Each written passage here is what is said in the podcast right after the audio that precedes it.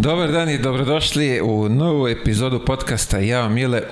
Pre nego što najavim mog e, sledećeg gosta, zamolio vas da pratite ovaj podcast na, na svim mrežama od YouTube-a, Instagrama, TikToka. A moj današnji gost je ujedno i bivši trener, a trenutno je stručni konsultant na areni uh, Lada Đurović. Lade, dobar dan i dobrodošao. Dobar dan, bolje našao. Hvala na izdvojenom vremenu. Znam da si u gužvi. Potrudit ćemo se da trajiš što, što kraće. Pa javite, zamolio. A, ajde ovako sad, pošto si stručni konsultant je, a, koliko je ti zapravo moraš da se kontrolišeš tamo, ovaj, šta ćeš reći u nekom momentu? Pošto poznavajući tebe, Ti bi tu dodao još nešto, ovaj, za, začinio bi je. Imaš pravo. Međutim, ne može sve da se baš kaže.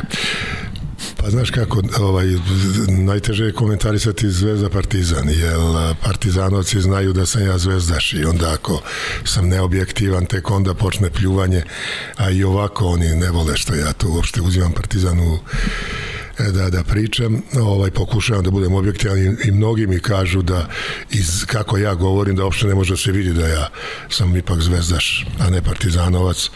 Pokušavam da budem realan, ali moram da kažem da je to kod nas vrlo, vrlo specifično. Eto, videli smo recimo Real Madrid je igrao sa Barcelonom, ne može biti veće rivalstvo, to je evropski derbi, ne samo španski i na mnogo većem nivou nego što je Partizan Zvezda, pa tamo u nekoj grupici od recimo 100-200 navijača Reala vidiš jedno, dve, tri devojke imaju majice Barcelone, pa onda na 100 metara dalje opet njih dvoje, troje imaju majice Barcelone, navio niko ih ne dira iako oni ne vole se baš mnogo, ali ne mora da budu incidenti. Ovde kod nas je to više iznad utakmice, to je malo, to bi rekao, to je mržnja, to je rat, to nije ovaj baš normalno i ja sam to i rekao na areni da bi trebalo utakmice Partizana i Zvezde da se igraju bez publike, ali samo te, a ovo drugo normalno sve.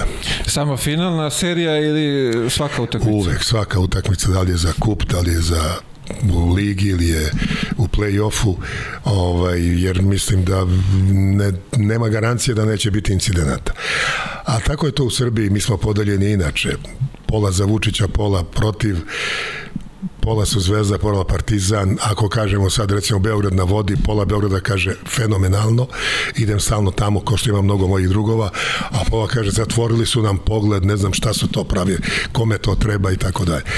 A hoćemo li da, da se priklonimo Putinu, da mu damo ovaj sankcije ili ne, pola odma ne, a pola zašto da ne i tako dalje.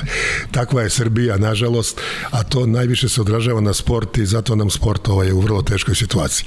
Ajde, kažem kaži mi sada, da li ima neko u Leskovcu da ne navija za Partijan ili Zvezdu ili u, u Svilajncu ili u Kraljevu ili u Valjevu, u Kruševcu, Čačku, sve je to jedno. Ranije je postojao radnički iz Niša i kad igra sa Zvezdom i Partizanom u futbalu bude u Čajru 20.000 gledaca, od toga 15 navija za radnički, a onih 5 za Partijan i Zvezdu. Sada toga nema. Svi je ili Partizan ili je ovaj Zvezda, zavisi ko igra i zašto bi neko ulagao u Subotice recimo u sport ili šta ja znam, evo u košarci. Recimo uzmemo jedan Vršac koji je bio centar Hemofarm i kao ajde ulažemo da napravimo nešto, šta mogu da naprave? Će da preskoče Partizana i Zvezdu vrlo teško. Tako da je ovaj sve se svodi to Partizan i Zvezda i zato je toliko rivalstvo, A, zato je toliko... Pa, mor, e, Vršac je imao dobru, dobrih par godina, čak su igrali finale, ali nekako to se isto završilo incidentom ta finalna serija. Pa Vršac je... Ovaj... Mislim, hoću ti kažem da ne mora znači da je samo Partizan i Zvezda. Evo, bio, bio je primer sa, sa Vršcem, pa je opet pa, ispalo dobro, to, što je, to je, je bilo ranije, ali ajde sada. Pa kako ranije, to je ali čekaj, pre 10, 10 godina. Koliko dolazi, je bilo? dolazi ekipa Olimpije, nisu Srbi. I ima ih raznih. Dolazi ekipa Cibone ili Zadra. Splita. Ranije bi bilo mnogo više incidenata, sada ko te pita, nema, nema, nema niko im čak ni ne zviždi u Beogradu, a niti njima zviždi kad odu tamo. Gde su samo incidenti, pa samo u Beogradu, ajde. Gde su izbačena publika i kako će ljudi posle koji su platili ulaznice, dovede dva sina da gleda ovaj utakmicu Partizan Zvezda, ovi ga izbace i onda mu dete kaže, pa čekaj dok mi dođem kući, završit će se, potrošili pare, hoće onda dođe sledeći put. Pa sledeći put je Zvezda dala besplatno, pa pa nije, nije bilo više od 3000 gledalaca u pioniru. Ovaj, to će jednom doći ljudima, ma daj, neću više da idem da gledam i eto, to je to. To je, to je stvarno veliki problem, ja to, ja to tako govorim, iako mnogi će da me osude, ali ovaj, veliki je problem to, veliki. Ja to vidim i po po ovaj, ja sam bio u Tuzli recimo i Tuzla pripada federaciji, nije Republika Srpska, nego je federacija. 7, 95% su stanovnika muslimani i onih 5% ima nešto Hrvata i Srba. Ovaj, svi ti e, muslimani navijaju za partizan. Ovaj, I svi su me pitali, pošto oni gledaju arenu mnogo tamo, šta mislite, ovaj, Čika Đuroviću, more li partizan tući zvijezdu? ja šta da, odgovaram mo, more ili ne more, nije bitno, ali hoću da kažem da se to prati svuda i onda s ovim incidentima onda se to pokvari tamo. I sad mi je baš jedan okoreli partizanovac rekao, ovaj, ako je naseš Srbin, Lazo se zove, ovaj, on kaže, ma neću više to ne da gledam, više mi se smučilo. Eto, tako ide, tuda ide naš sport, nažalost. Ne, još ti kažem, e, regularni e, deo sezone, to je sve, prođe to kako treba, ali kad dođe za, za, za trofej, je tu nastaje, nastaje haos i evo sad dao primjer za, za Vršac, kad je ispo haos, e, svaki kup je haos, ako je finale, svaka prvenstvo čega god ako se igra za neke trofeje, tu nastaje. Regularni deo nije toliko, to, to prođe onaj, onako manje više... Pa evo, gledali smo završena su sva prvenstva u košarci i ja sam uglavnom sve ispratio, nigde nije bilo incidenata. Milano je tu kao Virtus našeg Teodosića 4-2, Olimpijakos je tu kopa Antonikosa, ako igde treba da budu incidenti, to je u Grčkoj i pogotovo Olimpijakos Panatonikos. Pa mislim da je bilo dole nešto, da je, da je bilo neki... Završilo se regularno 3-0 i eto, zato što Panatenikos Panathinaikos nije dovoljno jak, da je Panathinaikos bio jači pa da budu rezultati na jednu loptu, onda bi vjerojatno bilo drugačije. Samo je kod nas bilo ovih incidenata, evo Real Barcelona, može li veće rivalstvo, završilo se bez ikakih incidenata. Ovaj, E, šta, mnogo smo počeli o tome, možemo pričamo i o drugim stvarima, ali sad o incidentima, ja kažem, u Evropi ja nisam video da uzmemo u futbalu, u bilo čemu, u bilo kom sportu, imali prekide utakmice, imali pražnjenja dvorane ili stadiona ja to ne znam A, dobro, moram budemo po nečemu jedinstveni. A, kako si video ti KLS ligu? Kako, kako, kako gledaš na to? Pa uopšte nije loše i ja smatram da kad bi mi izašli iz te ABA liga i kad bi se ukinula ABA liga da bi naše prvenstvo bilo jedino koje bi ličilo na nešto. Ne bi to bilo, Bog zna kako jako, ali uopšte ne tako loše zato što bi tada, pošto bi u Leskovac došao parcijalni zvezda pa bilo 6000 ljudi, a isto tako u Vršcu ili šta ja znam bilo gde, a, bila bi to liga gde, gde mi već imamo pet ovih iz Zaba, jakih. Onda bi Metalac malo više uložio, tako isto i sloga Kraljevo, možda bi Kruševac ovaj, stvorio jedan klub respektabilan i bila bi to jedna sasvim dobra liga. U Hrvatskoj nema i više od četiri kluba, u Sloveniji nema više od dva, a tek u Makedoniji i Crnoj Gori, eto, imaju u Crnoj Gori tri, a nemaju više. Ne znam na što bi to ličilo. Kod nas bi moglo da se igra, ima dovoljno igrača i pa i po prostranstvu i po broju stanovnika Srbija ipak najveća od tih bivših više publika. Tako da ovo prvenstvo ja ocenjujem sasvim pozitivno, ima tu i dobrih igrača, ima nažalost i mnogo matorih, ali ima i mladih. Nema baš toliko tih matorih, recimo Raško Katić je jedan od redkih, ali svaka mu čast kako izdržava. Ovaj, nađe se tu igrača, pa eto, iz te lige neki, neki su i kandidati za, za evo, mali ovaj Đurišić koji igra u, u OKK Beogradu, prešao je u Megu, pa eto iz Mega će vratno u NBA i tako i ovaj Jović i tako dalje.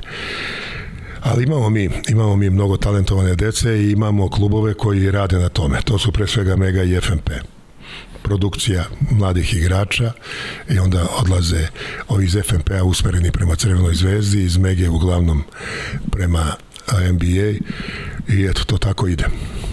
E, ne znam da će složiti sa mnom, ali Malina dobar posao radi sad dole u Čačku i ti njihovi juniori su isto kadeti, je tako beše, kadeti su osvajali prošle godine Da, ima ova dva Ćurčića, to sam čuo, samo ne mogu da ih razlikujem, nešto Đ, Ćurčić i neko drugo, to ne znam, ali ovaj, ima, bili su prošle godine najbolji u Srbiji, svaka čast, ali Čačaka je bio krat košarke i dobro se radi, Malina ima čak i kamp tamo i mislim da ću ići da ga posetim, taj kamp. Ovaj, ali to nije dovoljno, treba i drugim sredinama isto tako da se radi. Čemu je problem? Finansijski je problem, treneri vrlo male plate, ovaj, i treneri šta će ako je on u nekom, šta ja znam, malom gradiću, on ide na to da napravi neku ekipu koja bi recimo ušla u neko finale prvenstva Srbije. I onda se tu on pročuje. A da bi to uradio, ti moraš više radiš na taktici nego na stvaranju uh, igrača, na njihovim individualnim kvalitetima, poboljšanju, usavršavanju, jer u košarci u obuci igrača postoje tri faze. Faza obuke, faza usvajanja i treća faza usavršavanja zapošljavanja. Obično ta treća faza se preskoči da bi se dobio neki rezultat. Jer samo tako možda uđeš u, u Srbiji je hiperprodukcija košarkaških trenera naročito. Ja mislim da ima mnogo više košarkaških nego futbalskih. Nema ko nije završio košarkašku školu, ovu višu. I tu je ovaj problem. Mnogo ih ima, a nema klubova i nema para. To se radi za vrlo, vrlo male plate i tih pomoćnika vidite da svaka ekipa ima po 5-6 pomoćnika. Ja sam bio pre tri godine na jednom seminaru u Šumicama ovaj, mislim da je i Tudis tada predavao i još neko ja sam bio dole u parteru recimo sa Dudom Ivkovićem, Duletom Vujoševićem, Radonjićem i tako dalje. I u jednom momentu sam se okrenuo i pogledao krcata je sala bila, tu staje jedno 1200 ljudi. Normalno da nisu mogli svi da dođu nemaju svi ni pare da plate prevoz i da dođu, da plate kotizaciju. Krcata je dvorana, 1200, znači 1200 mladih trenera, ajde, samo da njih ima, da nema drugih koji nisu došli, gde će oni naći posao? Koliko ima klubova kod nas da bi ti treneri mogli da rade? I onda idu negde po, po nekim drugim zemljama, traže, budu pomoćnici i tako dalje. Ne mogu svi kao Dejan Milojević da ode u Golden State i da bude pomoćnik, jer i on je dugo godina bio prvo u Megi, pa onda. Tako da ovaj, ja, ja se osjećam sa tim trenerima u vreme kad sam ja se probijao neuporedivo manje. Ja u ono vreme sam imao ponude, ne znam iz, iz koje ne republike da idem da ovaj, radim i to za velike pare tad nisam ja čak nimao ni pomoćnike u nekim klubovima gde sam radio. Sada nema trenera, nema kluba koji nema jedno šest trenera, a plus imaju oni koji su zaduženi samo za ove za snimanje, mi smo to ranije zvali video, sad se to drugačije zove ovaj, snimanje protivnika, skautiranje i tako dalje. Ovaj, mnogo ih ima, a onda plus ovi fizioterapeuti, pa doktori, pa pa vođa tima, pa to su ogromni stručni štabovi, treba to sve platiti, mali klubovi to ne mogu nekoliko klubova. Re, reci mi sad ovako, pošto je ovde u, u Beogradu je veliki ovaj, broj ta talentovane dece u, u, u 3-4 kluba. Da li te e, medalje u, u tim mlađim kategorijama toliko znače da, da, da oni svu, svu talentovanu decu dovedu i, i nabiju u četiri kluba? Pa roditelji pre svega iz unutrašnjosti jedva čekaju da mu dete dođe do Beograda. E, to je tako ja sam malo radio po pa manjem, bio sam u Valjevu, bio sam u Novom Sadu, ovaj, e, jedva čeka da se dočepa, nek se on dočepa Beograda pa ćemo da vidimo. Tu roditelji žele mnoge stvari svoje i frustracije što nije u životu napravio više, pa da mu dete postigne i kroz dete gleda da reše i materijalnu situaciju. I ako se on dočepa tu Partizana Zvezde, a isto tako i Mege i FNP-a. Zašto? Zato što tu kad dođe onda ima besplatno i hranu i školu, sve mu to klub ovaj snosi. Završit će sigurno školu i nadamo se da će napredovati u košarci i to je to to. A tamo prvo nema tak, takve trenere kao što ima ovde i drugo kad mega nekoga fiksira i onda oni znaju da on ide u ruke Miška Ražnjatovića tu će imati sve, ovaj će da ga pogura i evo, i stvarno ajde recite mi svake godine mega dva, tri igrača, evo sad Matković i Jović iduće godine će Đurišić verovatno još neko, čak i Francuzi dođu u Megu pa iz Mege odu u NBA to je neverovatno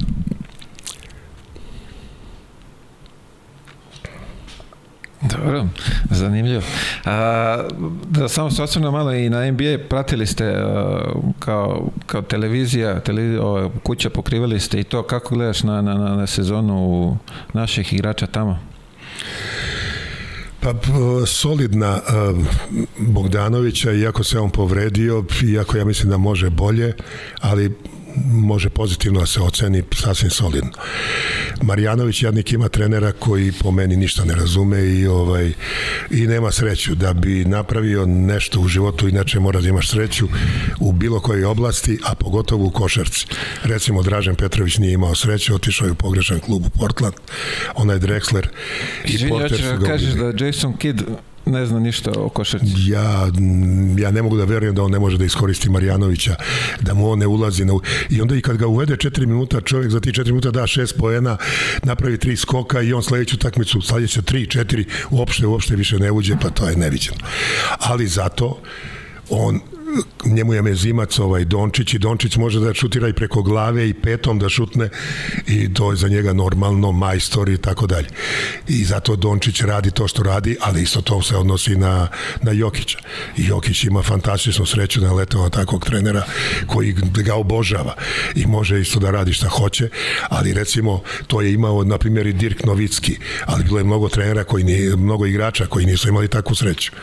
Najmanje sreće od svih ima ovaj Boba Manjanović, to je sasvim sigurno. To što on ima 2.20 pa kao ne može on u piku da brani, ne može da preuzima, spor je, ma pusti to, a kako će njega da čuva i dole. Svi samo govore o tome. A evo i taj trener Jojtremo Jokićev, on, on onaj, ka, um, kako zove, Kazins, jel? koji igra u Sakramentu ranije, koji kažu da je malo luckast, ovaj, on dođe čovjek i da 13 poena za 13 minuta, međutim isteklo mu vreme i sad ulazi Jokić, svaka čast. Jokić je bolji igrač od njega. A što nije mogao da ostane Kazins pa da igraju zajedno? Da Dobro, on ima i tamo da raspoređen četiri. broj minuta. Pa znam, da, ne može to tako da vodiš po nekom kalupu, to je bez veze. Hoće da dobijem utakmicu. Čoveče, ovaj, najbolja mu partija, došao mu dan, pa iskoristi ga zajedno s Jokićem. Jokić je još da više pasova će da dobije i lakše će će biti Kazinsu da još lakše razbija onog 1 na 1 jer ne mogu da pomažu na Jokić. Ali on kao ne ne, sad izlazi centar, ulazi ovaj i to mislim njihov način vođenja to je već. Ja to dugo govorim, ali isto tako i ranije kad sam bio mlađi, ja sam gledao pa da li je moguće da Ćosić, Dalipagić, Kićanović, Delibašić nisu mogli da igraju NBA. A ko sada sve igra? Pazi, Dario Šarić može da igra, Dalipagić nije mogao da igra. Pa da li je moguće? Pa zato što oni to ne vide. Nemaju projekciju, nemaju predstavu, nemaju viziju američki treneri kao što imaju treneri u Evropi. I koji je to američki trener napravio neki veliki rezultat u Evropi? Oni to misle kao je good job man i šta ja znam i žvaće žvaku da to može ovde. A ovde ti dođe igrač i kaže e, ne radi bojler, ima malo dete. Ja ne mogu da dođem na trening i šta ja znam. On nikakve probleme u Americi nema. Kao da li je zagrejana sala ili ne. Da li ima dovoljno lopti ili nema. 18 pomoćnika, skauta. Sve mu sređeno, pa lako je tu biti trener. Dobro, David Blatt je napravio napravio solidnu karijeru u Evropi. Ako gledamo... A, pa gde je napravio? On je od početka, on je sa 20 godina u Evropi. Nije on, ne, ne, on nema čak ni mentalitet. On ima više mentalitet evropski nego recimo Kokoško, koji je tamo formirao svoj, svoj mentalitet. Potpuno drugo je to tamo. Drugo, u, drugo je NBA i drugo je koleč košarka. U koleč košarci trener je bog, apsolutni. I on je jedini plaćen i on je apsolutni bog i za sve profesor na fakultetu. A ovde, ovde ne da, trener je sporedni. Te će on sad, kao on on će da se izviče na, na Lebrona Jamesa i da mu nešto kaže. On je tu da ih menja i to je to. I drugo, on je najslabije tu plaćen. je 12 igrača je bolje plaćen od trenera. I e, to je, to je NBA. Pa to, to je biznis. Oni to vide kao biznis i I igrači pa sve, su, igrači su sve pa prve to i sve se vrti oko Poštu, njih. Poštujem ja to, ali ovaj, to je došli smo do Jokića, to što je on napravio da je dva puta MVP, to ja ne znam ko će više da ponovi, to je fantastično. Mislio sam da, pošto ima dosta ljudi tamo ovaj, koji recimo smatraju da on odličan je, ali kao, pa nam, ali treba da bude prvak. On sa Denverom ne može da bude prvak. E sad ja sam razmišljao, da taj Denver mora da uloži neke pare da dovede neku zvezdu pored njega da ga malo pojača i onda da budu prvaci. I onda meni kažu ljudi koji to malo više prate kao Denver nije atraktivna sredina za neke igrače, neće da žive kao recimo kao kod, kod nas a neko treba da ide iz Beograda negde u provinciju i kao tamo ćeš biti prvak i šta ja znam, on kaže ne ja ću da živim u Beogradu. A takvih igrača je bilo i u moje vreme da je borac, da je rabotnički zvali neke igrače koji su igrali u OKK Beograd Beogradu i da za, za tri puta i četiri puta veće pare, a ovde mi je cura, ovde studiram, ne idem tamo i eto, to je tako bilo. Tako mislim da ima tu i NBA i oni mogu da biraju neki igrači koji mogu da biraju. A reci mi, ima li šanse Nikola da treći put bude MVP? pa ima teoretski, vrlo je teško, ako bi to ostvario, onda stvar, on je, on je vanzemaljac, vanzemaljac, čovek šta radi, to nije normalno. Mislim, to... sad on sazreva, treba bi da centri kasnije sazrevaju, on sad hvata pa taj zamak. Pa zavisi da od ekipe. Ne možeš ti sada, ovaj, recimo, Kari iduće godine ponovo Golden State bude prvak. Pa čekaj, nije nezasluženo da Kari bude MVP? Prvak je čovjek a Jokić ispod tamo u četvrtfinalu, nije došao ni do polufinala. Prema tome ne može to ovaj gleda se, gledaju se mnoge stvari. I srećom da je ovako ovo ispalo, on je stvarno čovjek genijalac. Igrati bez brzine, bez skoka, bez mišića napumpani kao što imaju Amerikanci. Košarka je sport za američke crnce, ne za afričke. Afrički crnci su za maraton i za ovaj 10.000 metara, a lovi Amerikanci u tom kratkom prostoru sa takom eksplozijom, sprint, atletika, snaga, zakucavanje, lete, mišića, on ima 110 kila i 110 kila mišića, Jokić ništa od toga nema i opet igra bolje od njih i oni lude i ne vole ga, to je sasvim sigurno, ali ga svi poštuju i to pokazuju. Čovek je genijalac. I evo sad ga gledam neki dan, ovaj, na, na nekom takmičenju konja, neka RG, on ovaj, svog konja ljubi, grli, ovaj, do svoje prvo mesto kasačko grlo i gledam ga u šorcu, lepo opušten, ne trenira, a ovi tamo crnci, ja sam mislio da isto ne treniraju, ali djavola, oni kaže mi Bjelica da oni tako treniraju u ovom vremenu kojim ja recimo sada je leto, I nema treninga sezone, da. sa ekipom ništa, ali on ide u teretanu kao konji rade. A Bjelica šampion? Bjelica ovaj, je u nekim utakmicama stvarno odigrao dobre epizode. Ovo u ovoj finalnoj seriji baš i nije mnogo, ali je igrao. Znači, fantastično za njega, jedan odličan momak i kad se setim njega da je morao da ide u neki beč da igra ili ga nisu hteli ovdje, nisu ga dobro procenili, a on stvarno može da igra od 1, 2, 3, 4, 5, njega je Pešić stavljao i na, i na keca.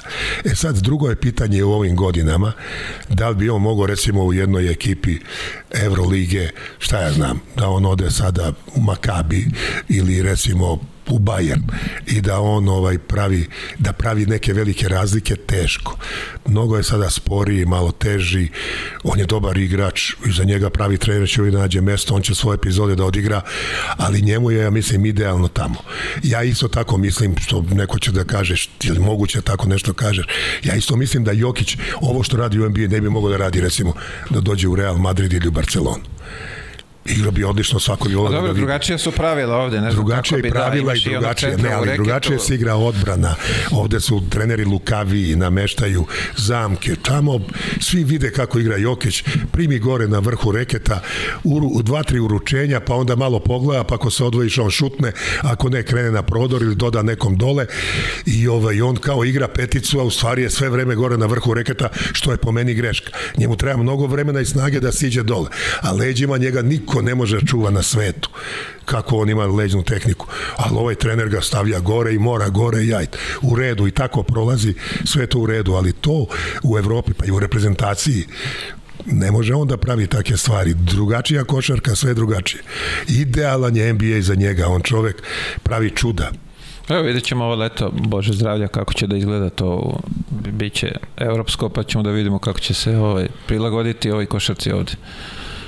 A, ajde da se vratimo ovako, kao, malo sad da te vratimo u, u detinstvo. A, e, kako si zavoleo da ti košarku?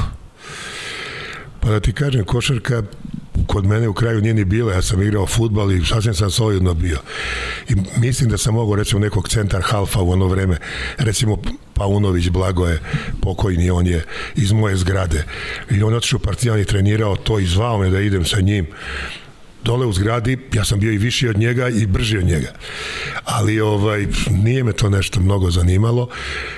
Pa sam onda ovaj, na, kod nas u osnovnoj školi bilo je rukometni teren sa strane i ovaj naš nastavnik je voleo rukomet. Ja sam igrao rukomet stvarno sjajno. Sa 9 metara se dignem i u raklje pogodim, imam veliku šaku, bio sam viši, jači, dobro skočim, pogotovo s jedne noge, A inače u košarci se ja zakucavao sam na zagrevanju. ovaj, I onda je, već sam pošao u prvi gimnazije, 15 godina, onda je pokojni Marijan Novović Ilja on je igrao u OKK Beogradu tada, došao u moju gimnaziju i sad na, na, na ovim časovima imali smo salu, igrali stalno košarku i on kao ti bi mogao da dođe kod mene u OKK i ja dođem iz kraja, ja sam na Senjaku bio, otišao sam u OKK i bio je trener Glišić koji je prvi trener Radivoja Koraća. On je otac od ovog Glišića koji je bio, bio trener i u FMP-u i u Crvenoj okay. zvezdi. E, on je ovaj, meni bio trener tada i on me stavio u prvu postavu. Posle prvog treninga sam bio, igrao sam četvorku. Skako sam dobro, bio malo snažniji od ovih drugih, od taj šilja igrao peticu i eto, tako je bilo. To je u, ovaj. da stavite u prvu postavu prve ekipe? Ne, ne, ne, u juniorima. Aha, aha a kada, kada prelazak u... Tad nije bilo ono kadeti. Ili si pionir ili junior, nema aha, kadeti. Aha, nije bilo između. E, I tu sam igrao tri godine, ne, dve, do 17. I kad smo napunili mi 17 godina, Šiljeveć imao 18 i bio je jedan Vladimir Cvetić, on imao isto 18. Bora Stanković je došao na trening juniorskog tima. Bora Stanković je bio alfa i omega u OKK Beogradu, to ljudi ne znaju, iako je radio u FIBI. I on kaže, vas trojica pravi ste u prvi tim. A tada su iz prvog tima, što u vojsku, što u inostranstvo, počeli da odlaze Trajko Rajković, Gordić. Korać je još bio tu sezonu, imao sam sreću da tako kao 17-godišnja skidam se, ne igram, nego skidam se u 12 pored Koraća i to je bio period gde sam ja se zaljubio u njega i on mi je najveći idol i ne postoji niko drugi, ja Korać kad kažeš što je ja znam kako realno pogledam da on u današnjoj košaci teško bi igrao. On je 195 igrao do neku četvorku, malo mogo i trojku. Bio je brz i bio je spretan, bio je fantastična ruka, sve to radio sa tablom, šutirao slobodna bacanja od ozdo, što niko više nije šutirao. Ali eh, jedna inteligencija, jedan jedan personalitet, eh, jedan način obhođenja on je bio zvezda u to vreme u Beogradu, a u Beogradu košarku vrlo malo broj ljudi je gledalo. To se igralo na Kalmegdanu i to je dolazilo tamo po možda hiljadu ljudi, ali u gradu jedini kad prođe je bio Dragoslav Šekularac i Radivoj Korać da se ljudi okreću, da prilaze, da deca dolaze za autogram i tako dalje.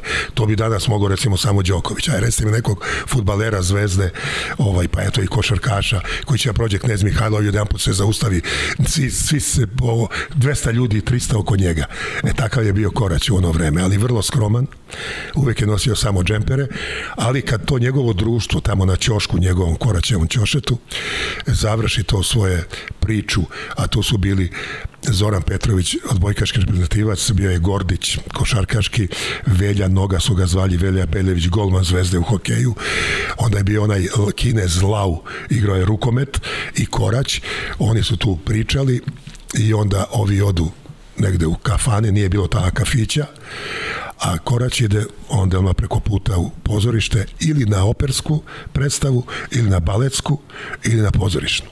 Ali on ide tamo.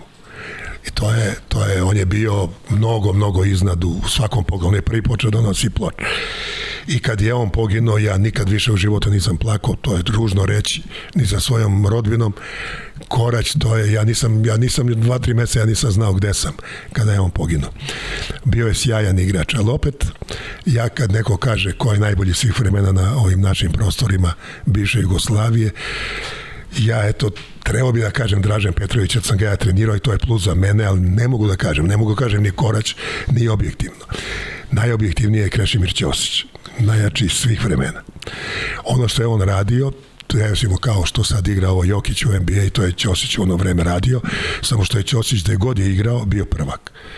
On je prvu titulu Mirko Novosa, on je ulago, ulago, ulago, zvali su se prvo lokomotiva, pa je onda prešli u Cibona. Ovaj, samo osvojio je sa njim prva titula Zagreba je bila u košarci Ćosić. Zadar, Ćosić ode u Ameriku, oni se grčevito bore za opstanak, Ćosić se vrati, oni budu prvi. Pet puta prvak sa Zadrom, dve godine bio u Bolonji, dva puta prvak sa Bolonjom.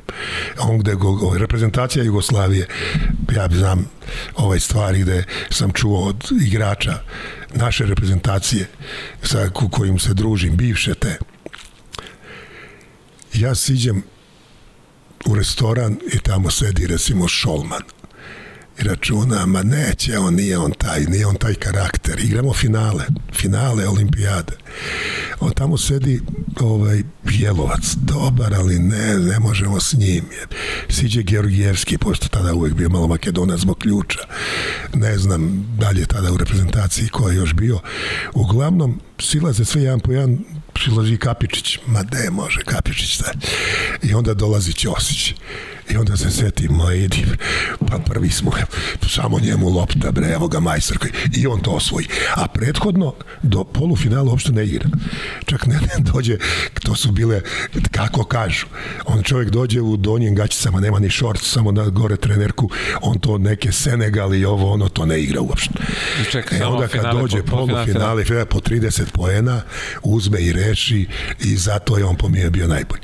I to, evo, sada pitaš Moku Slavnića, pitaš bilo bilo koga, kako se se deli baš i pokojni, kad bi se probudio Kićanović da ga pitamo, ovaj, svi će oni reći pa kreš.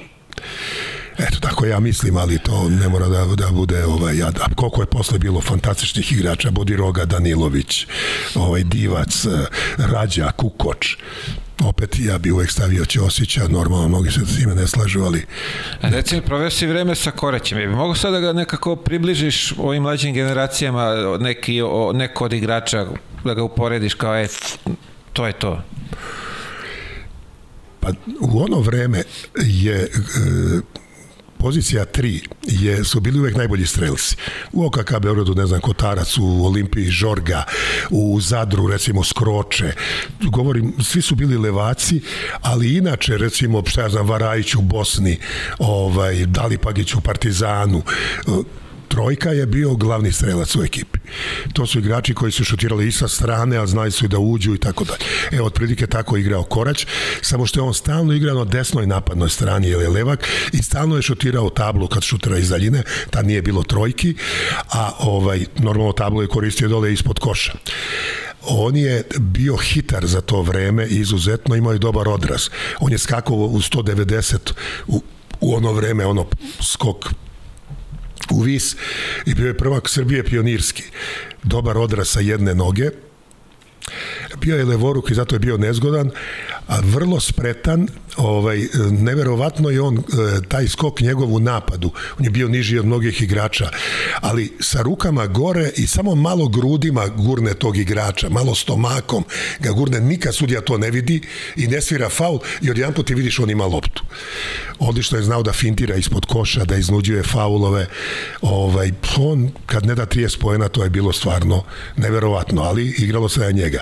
Međutim, dobar čovek, obrazovan, ovaj, to je jedan od redkih, recimo takav je nešto i Bodiroga bio, da je ovako fan terena, fini čovek, a da bude tako veliki igrač. Svi ti veliki igrači su imali, ja znam, govorim to iz iskustva. Recimo, vrlo dobro sam upoznao Nikosa Galisa on ako ne da 40, ono u slačionici je ljud ko puška, jer je dao samo 35, nije mu jednakis dao dovoljno lopti i onda on napravi neke scene i tako dalje. To je egoizam.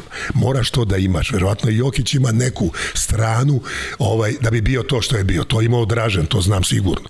Dražen, ja mu kažem, ovaj, igramo sa budućnosti iz, iz Podgorice u, u Šibeniku, ja kažem igraćeš prvo polovreme, tu ćeš daš jedno 20 poena izmena, je u sredu finale Kupa Koraća Evropskog sa ali možem. I to se igra u zapadnom Berlinu, neutralni teren, jedna utakmica. I sećam se sudio čak i Erabadžan. I on kao u I on prvo polovreme dao 21, znači više od 20. I mi izlazimo na teren i on kao, e, daj, aj, pusti me da igram ovo, ono, i tako. Čekaj, čoveče, šta smo rekli? E, aj, e, pet minuta da dam 25. I on za minut jedan da 25, i ja izmena, i on ovaj, e, daj da dam 30. Ja ne znam kako, ja opet ga pustim i on da 30 i ja onda izmena. I on ne, i 4000 onih ludaka tamo u Šibeniku na mene, jer njihovo dete draže šta ja njega ne puštam, niko ne razmišlja o narodnoj utakmici. Ja ga izmenim i svašta mu kažem i čak ga izbacim u slačionicu. To su takvi zvižduci bili prema meni, to je eto, a to je to, zato, zato je bio to što je bio. E, Korać, isto tako. Korać, ja prvu utakmicu igram, eto, tih sa 17 godina, igralo se u hali sportova hali eh, na sajmu, hala 3 na Beogradskom sajmu, tad jedna bila sala zatvorena. Igramo sa Slovanom, jedno 40 nešto razlike, možda i 50 za nas. Smešna utakmica, Korać normalno ne, može, ne sme trener da ga izmeni. On igra i dalje. Sad ja ne znam, ja dao je valjda 45 ili 50 i trener mene uvede u, u zadnja dva minuta i kontranapad Sija Nikolić vodi kroz sredinu, uvek desnom napadnom stranom trči korać, ja levo. I Sija ovako kao pokaže loptu prema njemu i meni iza leđa, vrlo atraktivno i ja podložim. Moj prvi koš u karijeri u prvoj ligi. I ja se vraćam sav sretan. Hoću da kažem Siji hvala ti, a korać mu prilazi, dodaj loptu o, to ću da kažem, to je taj egoizam. A opet s druge strane, on stoji tamo recimo na, na ome ćošku njegovom knez Mihajlova, početak knez Mihajlove i ja normalno kad počnem se zabavljam s nekom curom novom, ja moram da kažem da sam dobro izgledao u to vreme mnogo bolje, strije skrila manje i bez brkova. Ovaj, ja sad kao s njom idemo u bioskop Jadra normalno. Uvek prvi izlazak nam je bioskop Jadra, ja kupim karte i to počinje recimo u 8, a ja znam da je on u 7 tamo. U Koseja i 15, kao mi se sad šetamo tu pored, držimo se za ruke i on me vidi i on zna o čemu se radi. On izlazi iz društva, Đuki, gde si? Evo, malo, znaš, on kao, ja sam korač, on kao, pa ja znam, ovaj, vidi, sutra u pet je trening, tako, ja kao, pa da, I ona, on odlazi i ona kao, ti poznaješ korać? Ja, ne znam, niko nije veći od mene, shvataš. Kao ja ne znam da je u pet korać. On je izašao da meni kaže da je u pet trening. Pa zamisliti to. Hoću da kažem koliko je to bio jedan, jedan divan čovek, ali u igri to je to. Znači, da bi bio veliki igrač, moraš da imaš tu dozu egoizma, bezobrazluka, šta ja znam, recimo Danilović. To je takav bezobrazluk, to je tako samopouzdanje, to je pozitivno. On čovek igra protiv Skansija, fin finale, pa najveći derbi u Italiji, Fortitudo, Virtus igraju u Bolonji i ovaj vodi tri razlike Fortitudo sa Kartom Majersom i sa onim, kako se zvao ovaj čuveni američki igrač profesional što je bio i Panatenikosu i čovek se diže da ubaci trojku i da četvorku zato što ovaj Amerikanac napravi faul. Jedini način da pobede je to. E, on to napravi. E, ali to moraš da imaš to. Znači, to neko kaže imaš hrabrost, imaš srce, imaš personalitet, imaš harizmu, imaš sve. To su igrači. E, ti veliki igrači, svi su imali to nešto od toga. Ili je to egoizam, ili je to mm, enormna hrabrost i tako dalje. A svi roditelji traže da njihova deca budu lepo vaspitana, da budu dobri učenici i tako dalje. To sam ja tražio od mojih. Ali tako dete fino koje, ono, ljubim ruke gospodine, u tramvaju ili autobusu, trolebusu, ustane, izvolite gospođo, sedite. To je sve fino vidjeti, mada toga sve manje ima. Ovaj, ali taj pa neće dati koš. Pred 20.000 ljudi u finalu olimpijskih igara ili 40.000 ljudi u zadnjoj sekundi vrlo teško. A ovaj neki, kao što sam opisao, kakvi su, e, to je, to je drugo. Znači, to je ta razlika. To je to. Velikog igrač. A, reci, kako si ti odlučio da se baviš trenerskim poslom? Pa ja čak nisam ni odlučio sam.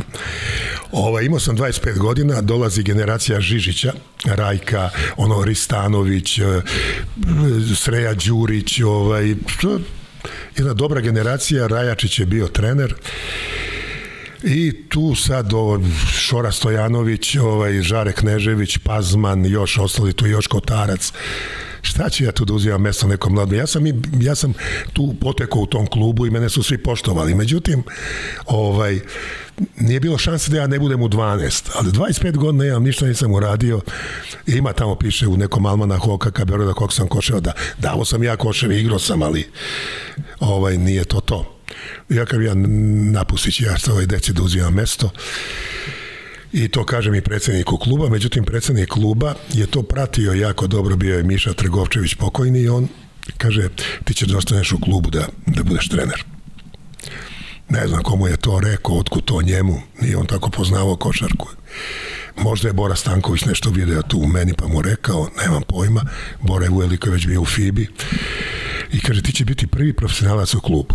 Niko nije bio, mi nismo imali nikog profesionalno, ni ekonom, ni sekretar kluba, bio je, ali niko nije bio profesionalac, nema profesionalca u klubu. I on, ja napravim i ja počne mi teče radni staž od 25. godine. Šta ću da radim? On kada trenirat ćeš pionire, i kaže ono Rajačiću daj tamo neku, neku grupu pionira i ja prva grupa pionira i Zoran Radović prva grupa pionira znači 61. godište ovaj, koji je posle bio reprezentativac i on sad radi u FIBI, on mi je bio jedan od tih igrača prvih mojih. I kaže sad upiši trenersku školu, pošto vanredno, to mora se plaća, mi ćemo da platimo. I eto, tako sam ja počeo i tu sam bio pet godina, uključujući i ovaj što sam oslužio vojsku, oženio se dvoje dece i onda moj kum Tanjević, koji je već postao prvak Evrope sa Bosnom, a stariji od mene samo godinu dana, a prvak Evrope. A ja treniram kadete, pionire, malo sam bio i pomoćni trener. I umeđu vremenu tu u tih pet godina mene zovnu iz Radivoja ovog kluba koji je prosto pre neki dan proslavio 50 godina postojanja da im ja budem trener i to mi je mnogo pomoglo posle u karijeri. I on kaže, ne možeš ti više ovako, ti hoćeš da budeš trener ili nećeš, ako ne možeš, treba da radiš nešto drugo. Ja sam studirao spoljnu trgovinu pa gde da idem, da ideš u Tuzlu, ima tu neka talentovana generacija, ja sam tamo služio vojsku i znam, nemaju trenera, Republička liga Bosne i Hercegovine, da blizu tebi komšije Smajlic. I ovaj, ja odem tamo, koliko ja nisam znao gde je Tuzla, ja sam išao avionom u Sarajevo, pa iz Sarajeva kolima ovamo ovaj, sa Bošom, mesto da sam kolima došao, bista je razdaljena i od Sarajeva i ovo. I tu ti u Tuzli ja ostanem četiri godine, ali iz te republičke uđem u drugu ligu i tad su bile ovaj, četiri grupe druge lige, ja sam bio zapadna grupa i trebalo je da budeš u prvih šest sledeće godine da bi se napravila B liga i mi budemo u četvrti i uđemo u B ligu, tad je bio i borac sa ovim Androvićem i Obradovićem, uh mhm, -huh. Mhm. borac igrao B ligu, ispali iz prve lige i u prvoj B ligi treba da budeš u prva dva, da uđeš u A ligu. I mi delimo drugo mesto sa Slovanom isti broj bodova, koš razlika nije odlučivala, a Borac sa jednom pobedom više uđe direktno u prvu ligu. Majstorica u Zadru, taj Zadar mi je sudbinski vezan i mi dovedemo hiljadu gledalaca iz Tuzle, a Slovan dvojicu iz uprave. Eto. I dođe još jedno hiljadu i po zadrana i svi navijaju za nas. Slovan bolja ekipa, Brodnik, svi ovi igrači Volaj, recimo Lorbek, tu svi igrači poznati iz Olimpije, na no, Jesenšek, Avberšek, šta ja znam, a taj Brodnik nas je ubio. Šantelj, sve to igralo i prvu ligu, mnogo bolja ekipa od mojih, Zec, Mitrović, Talijan, znam nam ih sve ovaj, Korajkić, e, Pilavđić, Husarić, e, Nurkanović ovaj, i mi uz tu podršku publike, ovaj, a moram da priznam, i sudija, a sudili su Radović, otac Zorana Radovića, Sava Radović, čuveni sudija internacionalni, isto internacionalni Borislav Žutić.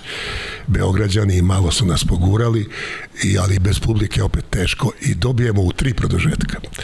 Jedan razlik i uđemo u prvu ligu. E, u prvoj ligi bez, samo Đogić, Anto Đogić pojačanje, ali meni se Zec ovaj, odum ukršne ligamenti, i praktično isto ostanemo i mi devet utakmica dobijemo u toj prvoj ligi kod kuće, devet. Samo dve izgubimo i to od Sibone u kojoj je igrao Ćosić kad su tad bili prvi i dobiju nas dva razlike, ali 40 pojena Ćosić. Kako da zadržimo Ćosića? Sve drugo je bilo u redu.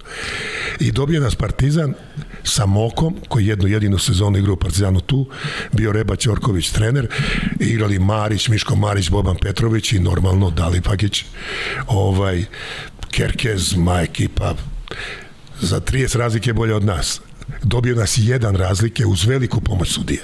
Uz veliku pomoć. Znači bio vreo teren u, Eto, u to je bilo neverovatno. I onda sam imao posle tako, ja sam tu naučio na takvu podršku u Tuzli, to je neverovatna publika. A onda posle odem u Šibenik, isto. Onda odem u Zadar, isto. Tako da sam tu naučio šta znači taj huk sa tribina i šta to znači igračima. Čekaj, prelaziš u, u, u Šibenku, a tamo je Dražen, je tako? Yes. Već bio u, u selektovan u prvu ekipu. Jeste, mene zove Šibenka, to mi je bila čast. Pazim, nije tad bilo menadžera, nije bilo, zove me sekretar kluba i kaže, ovaj, imali smo sastanak uprave, svi o tebi imaju visoko mišljenje, a naravno sudije Radić i Grbac, koji su sudili slobodi ovaj, toliko česta, oni su imali utisaja tu. Jer znaju košarku, kaže onaj trener, a njima je pričao opet Kurilić iz Tuzle sudija, koji Tuzlaki zna, pričaju mu igrači, disciplina na treningu, strogo, strad i tako dalje, i oni daju ovog trenera, i ja dolazim i sad trener pre mene, ovaj Faru Kulenović u Slobodnoj Dalmaciji izjavi, kaže ja isto sam čuo za taj rad Jurovića, svaka čast odličan trener, međutim njegov hendikep će biti veliki, on je trenirao tamo u Slobodi neke Mitroviće, Zečeve, Talijane i šta ja znam, to su igrači prvo mnogo mlađi od njega, a drugo ovaj, on je bio bolji igrač, igrao je prvu ligu nego oni. A on sada treba da vodi ovde igrače koji su sa njim igrali, a svi bili bolji od njega i tu su njegovo godište. I stvarno, Macura, Marelja, Srećko Jarić, Ljubojević, ovaj, ko je još bio, nema, ovaj, Sreten Đurić, on je 55. godište, ajde on je malo ovaj mlađi. I sad nova zvezda nadolazeća ovaj Dražen Petrović uopšte nije bilo lako. Međutim ja tu kad sam to, e sad moj igrač Pahlić u Zadru je prošle godine kad je bila proslava ne znam koje godišnjice, to je titule Zadra nad Cibonom, a o njoj se stalno govori kao da, a Zadar je bio šest puta prvak Jugoslavije, ne govorim Hrvatske Jugoslavije one, a samo se govori o toj tituli sa Cibonom koja je najviše odjeknula i bila najviše iznenađenje i on kaže e, pitaju, pitate me za Đurovića Đurović je ovaj diplomirao košarku u Šibeniku a je doktorirao u Zadru. Eto, to sam vam sve rekao. Ovaj, kao on nije trener, onaj kao knjiški, da on sad tu nešto nama crto mnogo te akcije. Sve njegove pripreme su bile na bazi psihologije, tačno je snimao protivničke igrače i pre utakmice rekao ti radiš to, to i to. Ti ovom igraču ne smeš to, ovo. I kaže mi smo to slušali eto, dokle smo doterali, a objektivno bili smo četvrti, peti po kvalitetu, što jeste, kad posle malo bolje pogledam, bila je Cibona, Partizan, Zvezda, Bosna, Jugoplastika, ovaj, bila Šibenka, Olimpija i sa Šibenkom ono što smo i napravili isto. Svi su ti klubovi bili, ovaj, Tačno je to da je to poništena utakmica, ali ja tu se računam da sam bio prva. A negde sam naleteo na podatak da, da, da ti je Moka rekao da je Dražen Kamenac. Kako on postao posle tog pa, Kamenca? Je, postao? Jeste, jeste dok je bio mlađi, a to je takav rad crnački da to nije normalno. Ja nisam video nikad u, u svojoj karijeri igrača koji je toliko vremena provodio šutirajući. U početku ja sam ga pratio, ali on ima u školu u 8 sati. Ja moram da dođem tamo u 15 do 7 i da mu vraćam lopte do 15 do 8 i onda on brzo, onako znojav, ne, ne istušira se, e, ide u školu. Meni je to bilo rano, ja sam to uradio, ne znam, desetak puta, više nisam mogao. Onda je on davo, se, onda je on davo 500 dinara nekom klincu da mu vraća lopte da dođe u to vreme i, i tako je. Ja priznajem da sam odustao. To nije trenerski, nije pedagoški, ali nisam više mogao. Eto, tako je on. E, sad nije samo to. E, onda mi imamo ovaj trening prepodne uglavnom šuterske oko 11 pola 11, on je tad u školi. E, ja moram da ga sačekam, kad se njemu završi škola u 1, da s njim radim 1 sat i onda uveče u 6, 7 ponovo. Ništa to njemu nije teško. Znači, on je tri treninga imao dnevno, od toga dva šuterska i tako je nabildo taj šut da to nije normalno. Meni je ovaj, kako se zove, uh, Ronaldo eh, Blackman, ovaj, legenda Dallas Mavericsa, četiri puta All-Star učestvovao On mi je igrao u Ajeku sa Mićkom Milićevićem, zajedno bili su njih dvoje stranci i onda mu Mićko rekao da sam ja bio trener Dražanov i on kaže, pa coach, vi me ne kažete da bili Dražanov trener. Pa rekao, dobro, šta sad? On kaže, to najbolji igrač protiv koga sam igrao. On me jedan put tako izlomio kič mu je slovi, ja sam pao na leđa, a drugi put vrlo bezobrazno mi kaže proturio kroz noge, prosramio me, ja sam zato i došao sad u Evropu. Dražan je, kaže, taka igračina, to je taka nepravda što nije igrao ovaj, neku onu eh, all-star utakmicu da je to strašno. A dobro, to je, eh, evropljani nisu tad bili na ceni, pa je onda sve to tako izgledalo kad su oni otišli tamo Ali ako me sad pitaš već za te e, ruke prirodne, najprirodniju ruku koju sam vidio, to je imao Srećko Jarić, otac od Marka Jarića, koji da imao takvu ruku, te kako bi karijeru napravio. To je neverovatna ruka, taka rotacija lopte, to nije normalno. Neverovatno, neverovatno. Recimo Đerđa je isto bio, da tako se izrazimo, kamenac. Ovaj, ali Đerđa isto treninzi satima i satima, satima. Sve drugo je imao. Fizika, brzina, tehnika, duge ruke je imao, odraz, sve je imao, ali šut ne. Međutim, satima vežbe i to je napravio. Tako da, talenat je veoma bitan, ali i rad, rad je veoma važan za ove mlade klince koji misle da samo ode na trening. Mada danas klinci i roditelji šta rade, to je neverovatno. I ovaj, ide od 10 do 11 u muzičku školu, od 11 do 12 ide, ne znam, engleski, onda ide u školu, uveče na treningu i on hoće sad, da on bude vrhunski igrač, pa nema šansi. Sa tim jednim treningom, sa ekipi, bez individualnih treninga, nema, ne može da bude vrhunski igrač, nema šanse. A, da se vrati samo na, na titulu sa, sa finale to u stvari sad ti si osvojio titulu, sve uredno, ovi drugi kažu da su oni osvojili, samo da, malo da se dotaknemo te utakmice. Šibenska Bosna, Tako je. čuvena. Pa vidi, onaj Matijević je svirao faul koji nije postojao, ja sam bio tu, Dražen se digu na Šutrić Hadžić, nije ga pipno, ga je čuvao ovaj, i promašio i Matijević svira faul. Dva bacanja. Normalno Bosna se buni, prekid i tako dalje. I ja osjećao sam to, ali nisam ja njemu rekao majstore promaš. Ja samo kažem majstore slobodno, zato što i jedan dovoljno u produžetku dobijamo psihološki naša prednost i tako. I on kaže oba. Baš mi tako kaže drsko oba. I oba ubaci mi dobijemo pehare, medalje, slavlje, ceo grad pijan. Znaš, kad grad od 35 stanovnika, prvak Jugoslavi. I to Šibenik, između Splita, koji je bio prvak i Zadra, jedan put tamo, on njih zovu težaci, kao seljaci, radili su na poljima oko Splita i Zadra, za ove bogate Zadrane, Zadar kao bio Venecija. Oni su kao Dubrovčani, ono, gospari. A ovaj Šibenik, to samo seljaci. I ovaj, sad oni prvi. I sutra, ono, 12 sati, mi u, sećam se, u Zorita se zvao restoran, skupilo se ljudi, preko 200, ne mogu su ja sednu u tu kafanu, stoje okolo, znaju da će ja da dođem i pričamo i kao Radio Zagreb vesti. Ajde malo se utišamo, a čujemo sport utakmica Šibenka Bosna koja je završena rezultatom, ne znam, jedan razlike poništena na današnjem hitnom sastanku vanrednom Košarkaškog saveza Jugoslavije utakmica nova zakazana za četvrtak u Novom Sadu. Šok. To je bilo i političkih odluka, nije samo... Ovaj... Tada je Bosna bila, a ti si bosanac, a ja sam poreklom, sa Romanije, ti Smajevice, ovaj, Bosna je bila najveći kohezijeni faktor u to vreme u, u toj Jugoslaviji, jer su živele sve tri nacionalnosti, i ako Bosna se raspadne, raspada se Jugoslavija. To je bila 86. godina posle Tita, predsednik predsedništva Branko Miković Bosanac. Najveći privrednik Emerich Blum, jevrej Bosanac u Sarajevu. Energo Invest najjača firma, najveće pare donosili od deviza u onoj Jugoslaviji. I taj Emerich Blum normalno zovne ovog Branka Mikulića, Branko mora se poništi, Branko Mikulić zovne Vasila Tupurkovskog koji je nama predao pehar koji je bio predsednik Saveza. E, se menjali svake godine iz druge republike je bio prepredsednik. I posle je Branko Mikulić normalno smenjen, svi su oni se izmenjali i ovi. I normalno, znate koji još glaso da, da to bude? Ovo je Hrvatska. Ciblona, sad niko nas nije volao. I oni su glasali da se... Od, I oni. Wow. I normalno ja kažem ne. I onda se sastanem sa Macurom i Dražanom koji su bili kapiten i drugi kapiten ja kažem ja mislim da ovo ne treba da igramo. Prvo nemamo nikakvu šansu da dobijemo zato što smo mi ovo proslavili, vi ste ispražnjeni emotivno i ovo.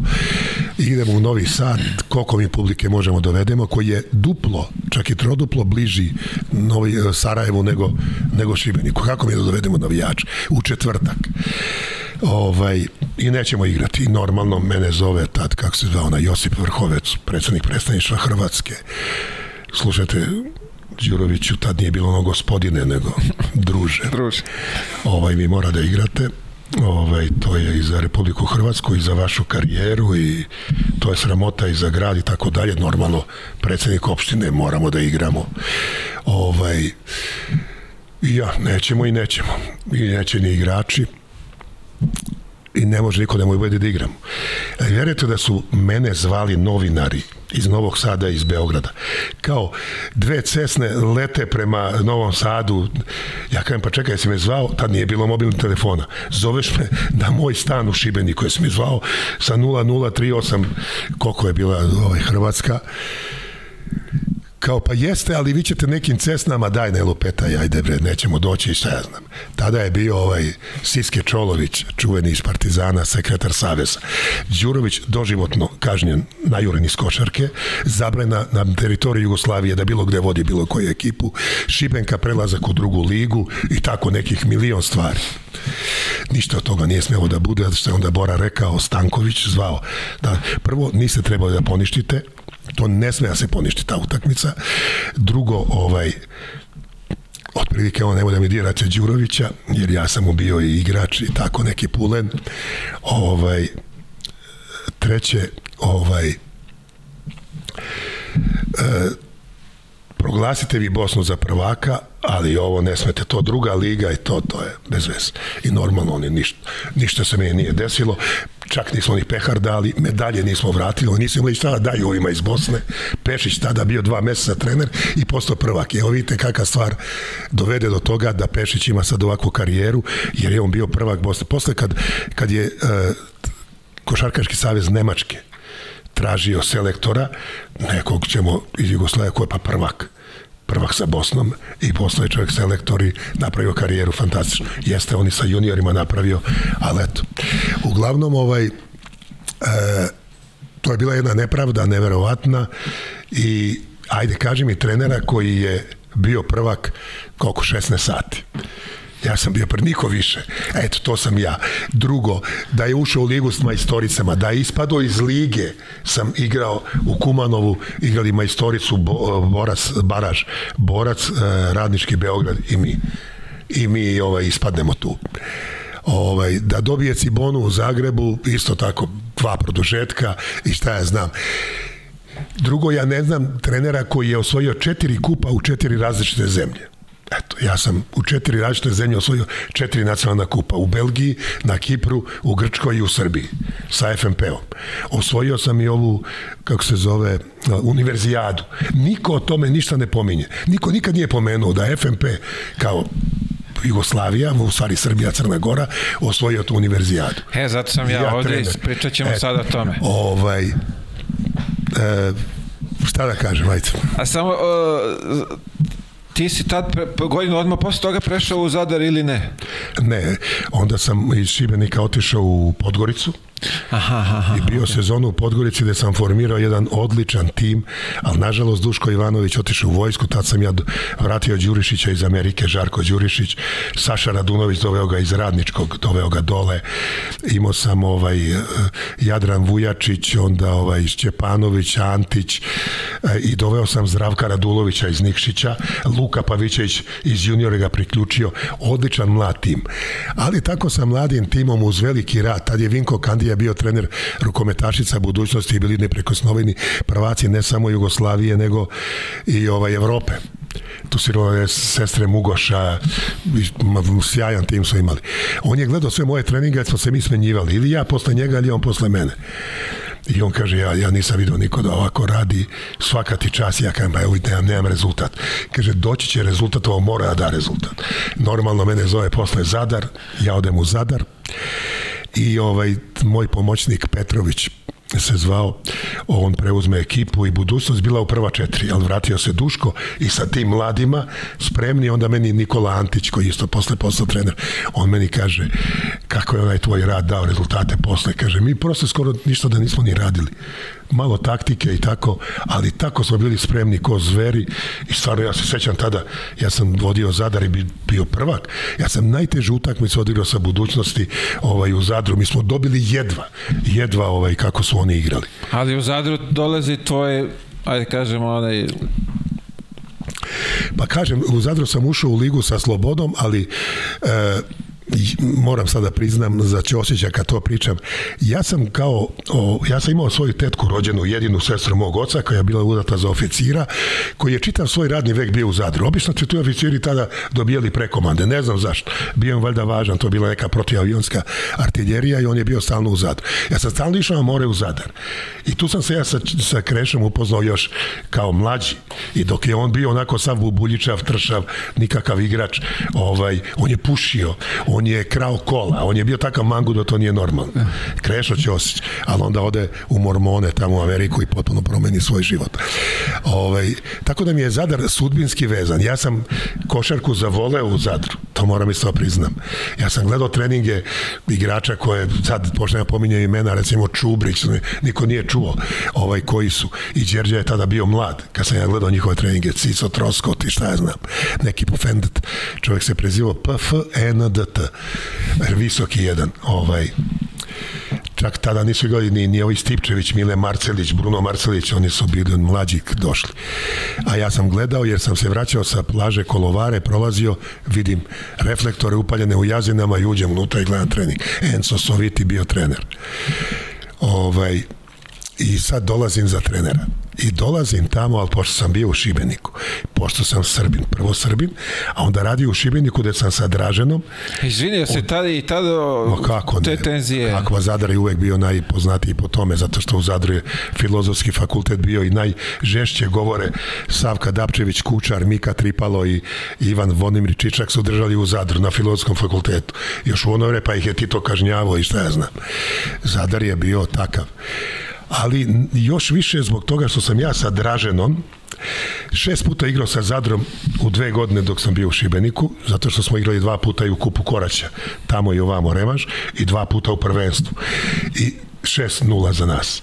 I tu su me zamrzeli. I to je bilo kad, kad predstavljaju igrače, bil, sećam se je prva utakmica Sloga Kraljevo. Puna, uvek je puno u jazinama, nema veze da li dolazi Zvezda ili Sloga. I normalno, kad sam izašao iz onog tunela dole ispod ovog jednog koša, to se izlazi dole ispod. Da, da, sećam se te hale. Ovaj, i čim se pojavi glava, to je, to je stereo doček. To su zvižduci, to je Đurovića nećemo, Đurovića nećemo i, i sad predstavljanje igrača. I broj četiri, Boris Hrabrov, a broj pet, Ante Matulović, to se stane. Sveti Ante, Sveti Ante. Broj šest, Petar Popović, ovacije. 7, 8, kako su išli, 11, Stojko Vranković, Petranović je bio 12, ja mislim Draženko Blažević 15, tog se sećam. I kad se kaže Draženko Blažević, ovaj, ja sad znam, i onda se umire. Trener Vlade Đurović, joj, pa to je prolom, to je prolom. I sad ovaj bio Ratko Joksić, trener sloge, on kaže, a u sunce ti jebe šta je ovo, kako ti ovo ćeš da izdržiš celu godinu, šta ću. I tako ti je bila svaka utakmica, 11 puta, ali bilo je Evropa, onaj kup koraća, kup utakmice svaki put isto. I onda igramo zadnju sa Cibonom. Prva utakmica u Zagrebu 12 razlike za Cibonu, sad je revanš ovde, normalno unutra nikad se to nije pisalo. 7-8 milijana ljudi objektivno može stane 3,5. Užasno vise jedan na drugome. I sad ovaj kaže sviždanje Cibonija Draženu tek najviše. I ovaj kaže trener Vlade Đurović i aplauz. Prvi put. I sad ja ne znam šta, znaš, ja sednem na klupu, ma kakvi aplauz traje. Ja ustanem kao, naklonim se i dalje traje aplauz. E, onda sam morao da izađem do centra i da kao, istok, u stvari, taj istok je najgori bio. E, njima ono stajanje teško. Hvala, pa se onda okrenem zapadu, pa ovima, pa ovima. Ja bilo je, jesi osetio ta neku emociju? Kako nešto, da... nisam, pa kako nisam, ali je... Mislim, treba izdržati celu godinu da ti zvižde, da, da te sad, ne vole... to je ovako bio kao prvi poklon i drugi poklon, ja vidim Dražen ne ustaje sa klupe, ja kao priđem, kako ti nisi u prvoj postaji, ja hoću da ga isprovociram a on kaže neću igrati kao malo sam članak oni su planirali da bude slavlje kao tamo i mi ih pobedimo tu u Zadru i tek tada ovacije i vlade ostani vlade ostani odemo mi u tunel, dolazi i ulazi Đerđe u slačionicu, direktor kluba i prvi put on kao, ja mu nisam ni dozvoljavao da ulazi u slačionicu i on kao čestitke izljubi sve igrače i mene, ovo je kaže vrhunski rezultat, dobiti Cibonu, nema veze što nije igrao Dražen, ovaj, ulazimo u finale, ovo je stvarno svaka čast tebi, kao pa ponovo mi stiska moju jednu ruku sa njegove dve. Međutim, ja nisam se tu dao, ja računam, možemo mi napraviti da iznenađenje. I u sredu, ponedeljak imamo normalno trening, utorak normalni i sreda, finale u Budimpešti Kupa šampiona, tad se tako zvao, Žalgiris. Žalgiris ovaj, Sabonis, Marčelonis, Homiću, Skortinaitis protiv Cibone. Igraju finale neutralni teren u Budimpešti. Prvi put se u Budimpešti to igra. 30 i nešto razlike, mi smo to gledali, ovaj Novo se lubaci posle malo onaj Bečić, Pavličević, Rapović, da i oni malo igraju, ovi smanje 23 razlike. Pazi, finale Kupa šampiona, šetnja, mislim, Cibona, kazana ekspedicija, nikog nije dobila ispod 30. Te godine su Partizana dobili u Beogradu 40 nešto razlike. Međutim, ja ovaj pre te utakmice stavim trening da bi posle išli zajedno svi da gledamo i dam futbal donesem fularsku loptu i nema u klubu lopte, ja moram da idem u grada, da nađem da kupim i zakasnim na trening i sada ovaj, kad je bila ova godišnjica te titule tamo, oni to stalno slave, jedan od navijača, a njih petoro je bilo, ja sam izvao stručni štab u Senci, napiše jedan ogroman, ja tu imam ovde zapisano, je glupo je da ta sad čitam, kaže, najgenijalniji potez e, svih vremena u bilo kom sportu je bio taj Đurovićev da igraju nogomet ovaj kad je trebalo da se priprema taktika za jednu za tako jedno finale, za utakmicu karijere svih igrača Zadra, to je bila utakmica karijere i on čovjek da, a zašto sam dao da ih opustim i onda on to kaže. Verovatno je majstor kao majstor velikim slovima je razmišljao šta sad mi možemo novo da naučimo što znamo, znamo, sad igra psihologija, evo mi igramo nogomet, ja im kažem, naglasim, ja sam igrao s njima igramo futbal, a ovi ovaj, tamo se muče sada trema i šta ja znam pred, pred Sabonisa. I ovaj, tu taj moj iz stručnog štaba u Senci navijač i kaže ovaj nikada nismo videli igrače da su tako opušteni da toliko jedan drugoga vređaju, psuju kao nemaš pojma ovaj Ante proturi popu kroz noge a Stojko kaže onakav kakav je pojma, ne može pogodi loptu pa ga za, zafrkavaju i tako dalje ali kaže zagrljeni su izašli sa, sa terena, nikad to tako nismo videli. Eto, kaže, to je bio pun pogodak. Eto, to je, bila, to je bio početak moj priprema za tu utakmicu. U četvrtak sastanak, ručak u najboljem restoranu u gradu, znam šta vole, ribu vole, a oni vole škampe i prstace, ne ribu, nego škampe i plodove mora. Mi to naručim, to je skup ručak, ali ko sme me tada u to vreme da kaže? Normalno je samo potpišen klub plaća, a vodio sam ih mnogo često tamo. Ovaj, I tu sastanak na način, ovaj, vidi, Ante, ti ako budeš dao 8 poena, 8, jel možeš više? coach, kako ne mogu više. Ja možao sam, mogu. Pope, ti ako ne daš 20, mi ne možemo da dobijemo. Ja možda daš? Ma te ne mogu. Coach, pa je, pa pocenjuješ me. Evo, 5 trica, to je 15. Pa onda će biti neki faul ovo. Stojko, ti 15 ne možeš da daš, znam, ali kad bi dao, maybe A on kao je, pa, jebi ga sad, jebi ga, stvarno. Pa mislim što, ali rekao, ali znaš šta, a da napraviš 20 skokova. Ja možda lupiš pet banana i 20 skokova. Kaže, mogu. Ruka. Blažević, je možda daš četiri pojena? On kaže, pa kako, nema, kako ću da igram? Pa ja kažem, igrat ćeš jedno 8 minuta. Pa kako ne mogu da četiri pojena? Kako primam pa ja ručicu. Dogovoreno. Pahlić, kamenac.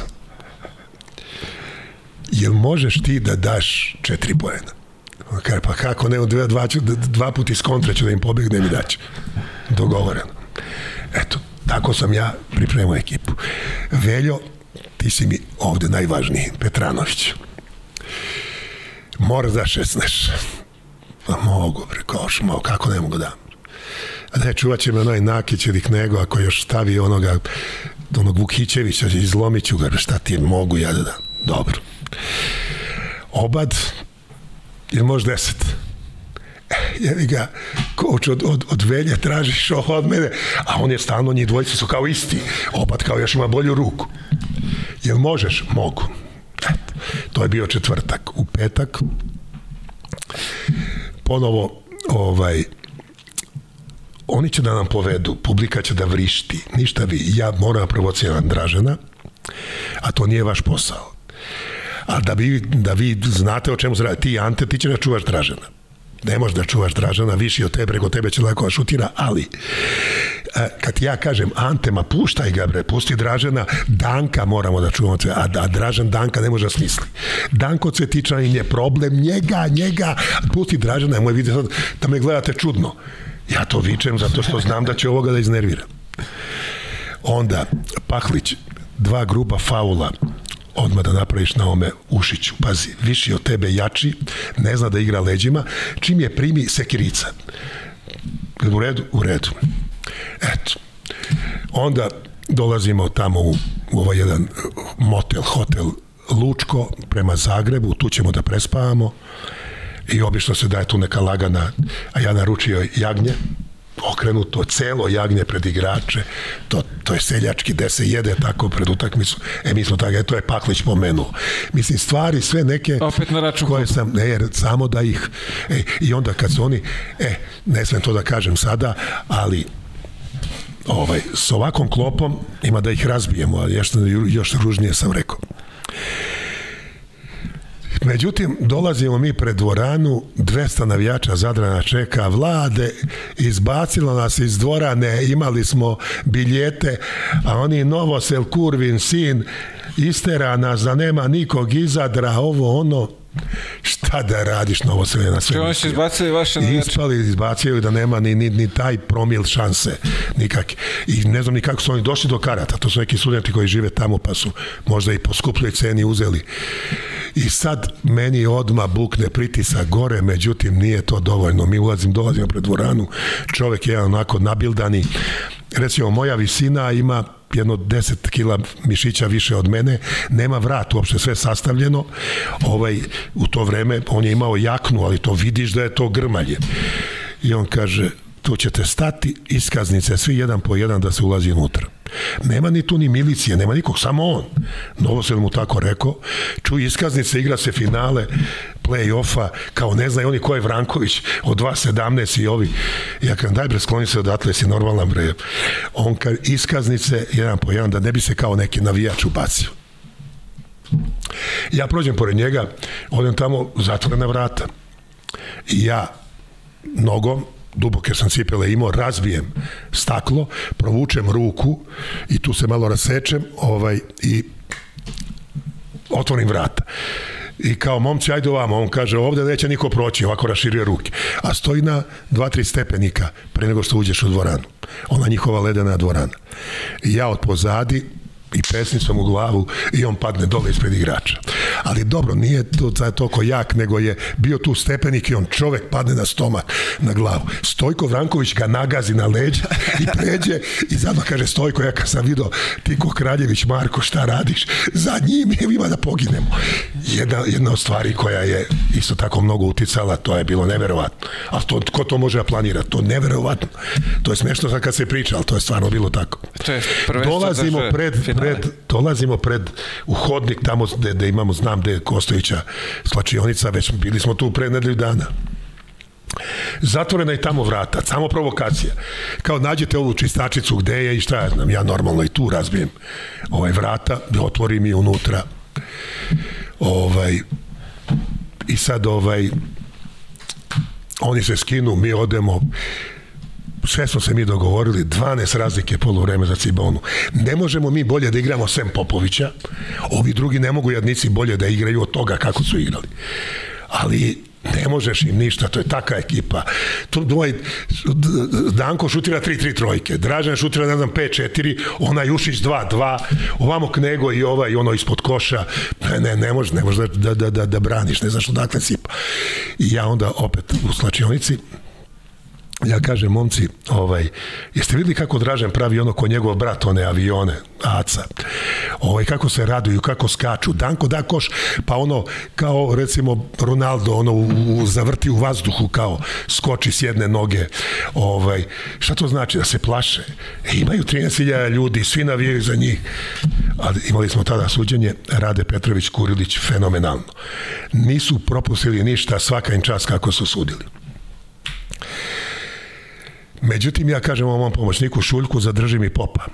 I ovi igrači, momci, idemo, možemo, ajde. A Pop je otac od... A Pop od... ni jedan od onoga Popovića. Tako je, da, da, da. Ovaj Petar Popović, ovaj, je, kako se ovaj, Marko. Marko, da. Marko.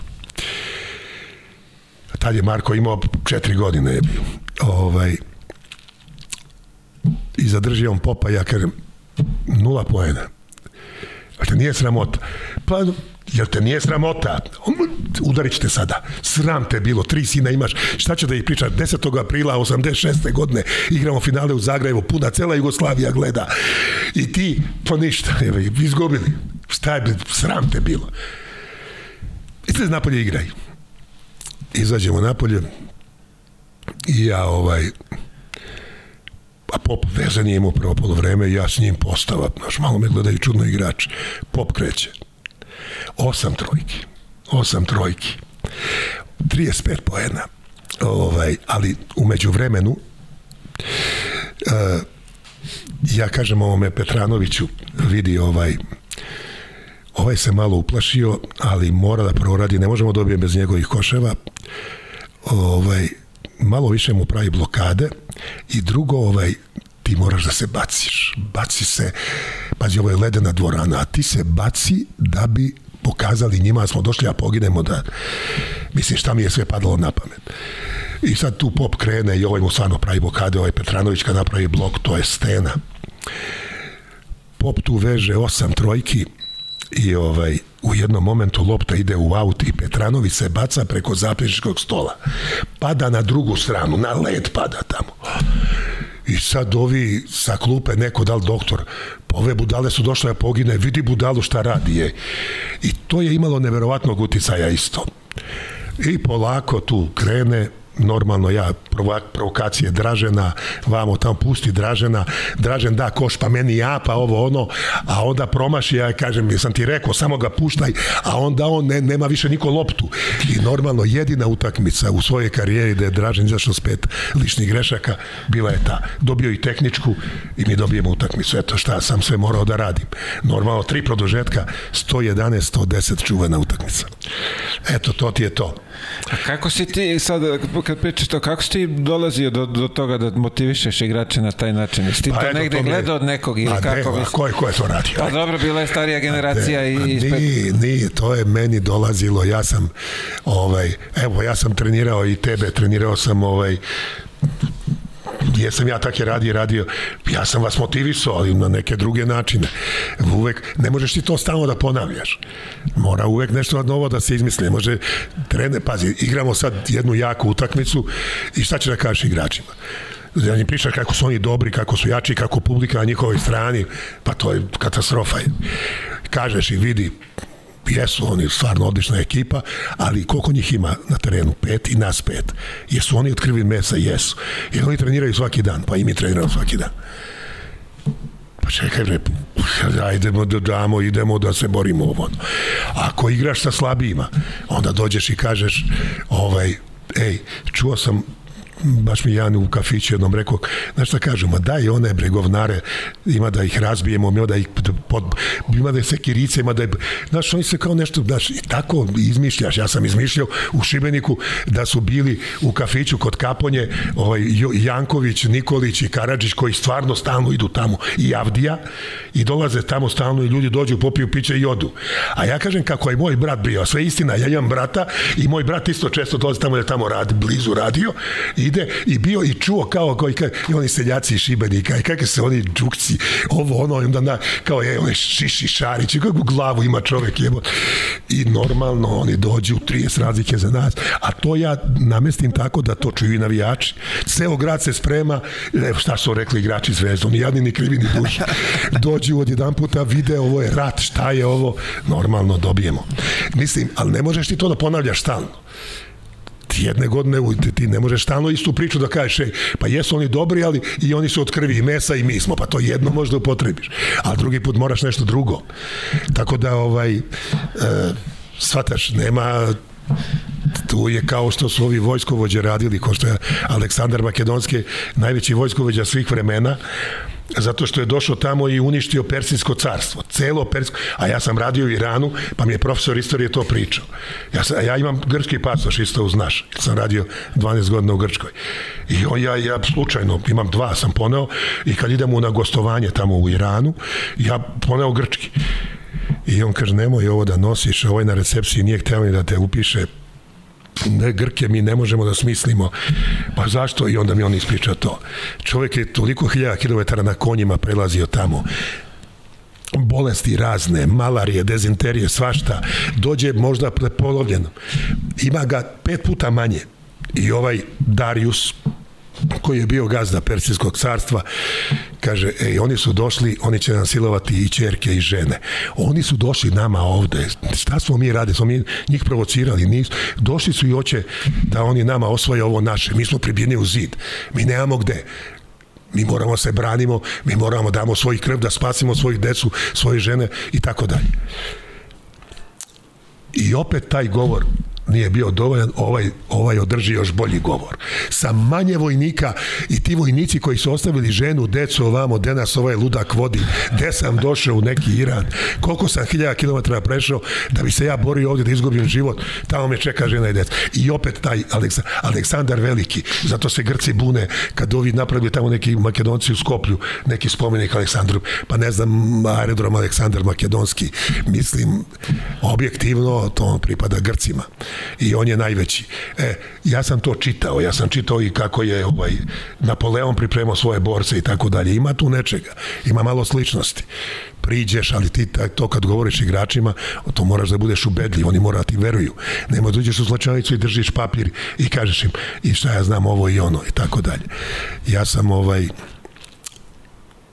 ja sam tako nastupao i ja mislim da sam sa slabijim ekipama, a to su meni moji prijatelji ovaj, Tanjević i Maljković rekli, mi smo bili negde u Španiji na nekom seminaru gde smo držali kao škola Jugoslovenska, bio je i Ranko Žeravica, bio je Miki Vuković i bio je Pešić. Pešić je bio.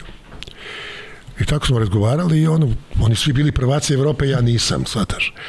A onda Tanjević kaže, jeste, ali mi smo imali Miki Vuković bio sa Razom u Janovi tako sredin. je, tako je. Svi su bili prvaci Evrope. Žerevica sa reprezentativnim selekcijama, ovi sa klubovima. I ovaj, jeste, on je pravio čuda koje je on ekipe vodio, a osvajao ja mislim da nikad nisam imao bolju ekipu, da kažem, kao jač. Lako je, sad vodiš Cibonu, igraš sa Zrabotničkim, da ćeš da dobiješ 30 razlike. Ali Lečić, ako izgubi od njih sa 10, to je veliki uspeh za Lečića shvataš, ne možda ih dobije, ali neki drugi trener bi možda izgubio s 34, shvataš. Moraš da izvučeš trenerov posao šta je? Da izvuče maksimum od svojih igrača. Da bi taj maksimum izvuko, mora svakom igraču da nađe njegovo mesto i to je druga stvar, a treća stvar je ovaj, da ih psihološki pripremiš. Jasno. Uh, mi se prvi put susrećemo 2002. treće, ali tako u železniku, treće, kad, se, kad, kad dolaziš. Uh, aj sad si spomenuo, nismo, ovaj, niko ne spominje univerzijadu, daj da se dohvatimo i toga. Kako smo mi zapravo selektoni, kako je došlo do toga da mi idemo na univerzijadu u Koreji? Savez je došao u situaciju, bile u Koreji, ali Savez došao u situaciju da ne može sastaviti reprezentaciju i napravili su kao neki neki konkurs koji bi klub išao pod sa dresovima reprezentacije, sa Savez plaća karte, Savez daje opremu, Savez daje doktora, daje sve, samo da se ide, al da bude neki klub. Ja mislim da Nebojša Čović ovaj prihvatio i mi smo onda uzeli Malinu i onog još jednog visokog, kako se zvao, iz borca. E, Onaj tanki jedan dečko bio je 20. A, Bralović. Bralović, tako, tako Bralo, je, Bralović. Da, da. E, I ovoga Malinu Marinovića, njih smo uzeli i ovih naših deset i otišli tamo i, i osvojili. Ovaj mislim da su u finalu Ruse dobili tako nešto. A, tako je, da, ovaj, Rusija bila. Ovaj, ali su mi smo imali sve naše ljude. Naš fizioterapeut, naš doktor. Da, da, bukvalno mi smo ovaj, kao ekipa sve, sami bio Malina i Brada su bili priključeni, tako je. Jest. A, moram sad da te pitam, ovaj, nisam imao priliku, ovaj, a sad moram da te pitam. Se sećaš ti leta iz e, Londona za Hong Kong? Pa ne mogu da setim. Ne mogu da setim, stvarno da ti kažem, ja sam promenio u karijeri Čekam. 26 klubova i 13 zemalja. Ne, ove sad... I ti me sad pitaš, ne, ali ne znam, bio, ne mogu, taj, ne mogu. Taj let je bio ja se uvek spet... plašim let avionom, uvek. To da znaš, mislim tu. E, sad, me sad, o, ja zbog toga te pitam. A, a, leteli smo, ljudi ne znaju, leteli smo London, Hong Kong i dolazimo kao ekipa, kupili smo karte, ono ima, kako je bilo, 3-4-3 reda oni sedišta i mi sva ovako kol, koliki jesmo, ne možemo da sednemo ni jedno od ta dva sedišta, to jest za koje smo dobili kartu. Sedeli smo tamo kod stewardesa na onim, pošto tu jedino bilo prostora gde smo mogli noge, ovaj, pošto je, dobili smo te karte jeftine, verovatno.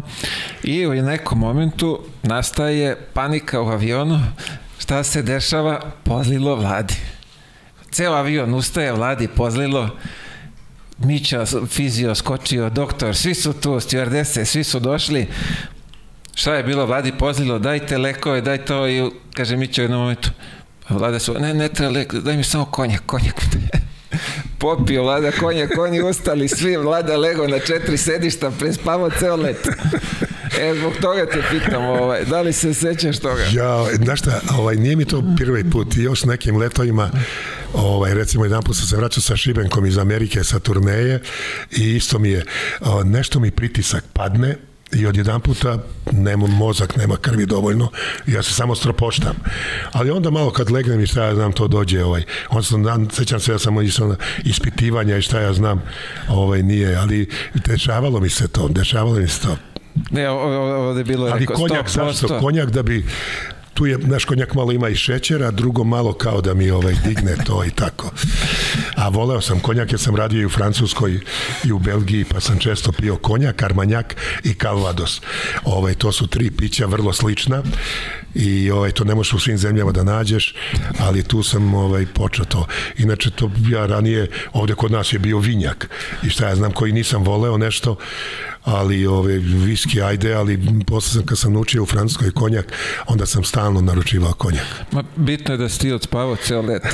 da si ti spavao 9 pa sati ja dok smo mi se kočili. A pa ne, pa taj mali pritisak verovatno i onda i lakše sam spavao. Ovaj kako si doživeo to tu univerzijadu?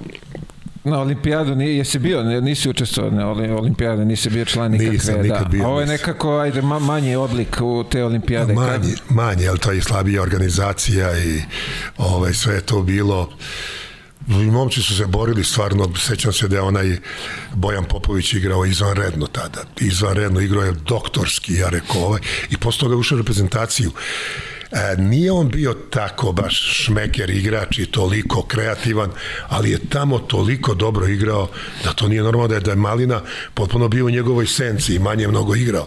Zato što je ovaj to tako vodio ekipu. Baš je, baš smo, igrali smo dobro, dobro je bilo. Dobro je bilo i osmo, mislim da smo imali čak i kratke to da u, mi smo počeli pripreme za, za dva mesa počne sezona. A odjedan put treba da ideš na olimpijadu, nismo imali ni deset. Tako je, bilo je bukvalno, imali, krećemo sledeće nedelje. Da. nismo igrali, tako da prvu utakmicu smo igrali s nekom ekipom, šta ja znam. Taipei. Taipei, smešno. Ali smo se mučili da dobijemo, jer nismo, mi nismo bili... Pa ne, mi smo sleteli, to jutro smo sleteli, ja mislim da. oko šest smo došli u selo, a utakmica je bila u dva sata. Neuigrani, umorni, a pa baš je bilo teško. Oni su ono izašli svi u, u jednoj liniji 100, 160 i znam da je bilo panika da ćemo da, da. da, da dobijemo. A, te sezone, a, e, to je ona godina kad imamo dobar rezultat, plasiramo se na, na Final Four u, u Zagreb, a, e, pravimo sastanak pred put, ujutru na autobus, tebe nema autobusu. Hoćeš da kažeš šta pa je? Pa sećaš ovog sastanka da je došao Nebojša Čović i da me dosta tu izgrdio zbog nekog intervjua u novinama. I ja sam se naljutio i dao ostavku i otišao. I onda je ovaj doveden Đokić ovaj brzo i vi ste to osvojili svaka čast. Ovaj, tako da ja nemam eto osvojenu ABA ligu, a objektivno sam bio zaslužio. Mislim da ste igrali po, po mojim nekim, kako sam ja i pa odredio. Pa nije on ništa tu ne pa menjao, pa on je da bio, nema šta da promeni. Ja da. sam bio već odredio i postavu, zadatke. Analizirali smo, igrali smo sa Cibonom, je tako bilo? A, zvezda pa Cibona. A, zvezda pa Cibona. Da. A te, to je sad, bila od... dobra ekipa i to mi, je, to mi ostaje žal, veliki žal. Šta da radim? bio sam tvrdoglav malo i eto. E te, to hoću da te pitam, da u tom momentu kad znaš da ideš trofej tu i, i, ispred Pa ti dobro, odlučiš se pa na takav potez. Zvali su, zvali su mene ovaj, čak iz, ajde da ne kažem koja je kafana, ne pravim reklamu i Nebojša i Raša, bili su zajedno i kaže dobro, aj sad ovaj, dođi ti ovamo malo ovaj, da pojedemo nešto i da se dogovorimo za sutra, a nek ti tvoja ženica pripremi ovaj tvoj kofer za, za sutra ujutru i tako. Međutim, ja sam bio to džoglavi, nisam. Nisam otišao. Nažalost, mislim, mi smo bili zbunjeni, stvarno nismo, nismo znali, mi smo ušli u autobus, e, nema, nema džure, Dobro, doći će... To mi je bilo prvi put u karijeri da, da predsednik kluba dođe i da ovako dosta neprijatne stvari govori za mene pred igračima. Ja to nisam trpeo ni ono vreme socijalizma pogotovo, a ni posle, obišao sam toliko zemalja i nigde nisam dozvoljavao ja predsednicima da ulaze u slačionicu ili da oni drže da, ovaj, neko slovo kad ja treba da držim. Ovaj, da on poželi sretan put i da poželi sreću na putu i tako dalje, to je sve u redu ali onda se dotakne, ne, ne, to nije imalo veze sa Kočem nije on mene kritikovao da sam ja nešto slabo radio, nego taj intervju ga je, eto, Aha, povukao, jer to napisano je kao tim iz predgrađa koji nije imao takve rezultate, sad je došao Đurović kao pa napravio, mislim taj novinar me tu uništio, to nisam ja govorio, to je on napisao, a njemu se to nije dopalo. Da, da. A, a i sad kad spominjemo to predsjednici vamo tamo, gdje je bilo najteže po, po tebe i zbog tvog karaktera ra, raditi? Pa mislim, ja Znaš kako, u ono vreme, recimo, u socijalizmu ja nisam imao problema nikakvih. Ja sam uvek bio apsolutno glavni. Počeo od Tuzle da sam krenuo, pa onda dalje ovaj, gde sam god bio. Eto, recimo, jedna epizoda iz Zadra. Mi idemo u Sarajevo, igramo sa Bosnom, on je vođa puta, direktor Maraske iz Zadra.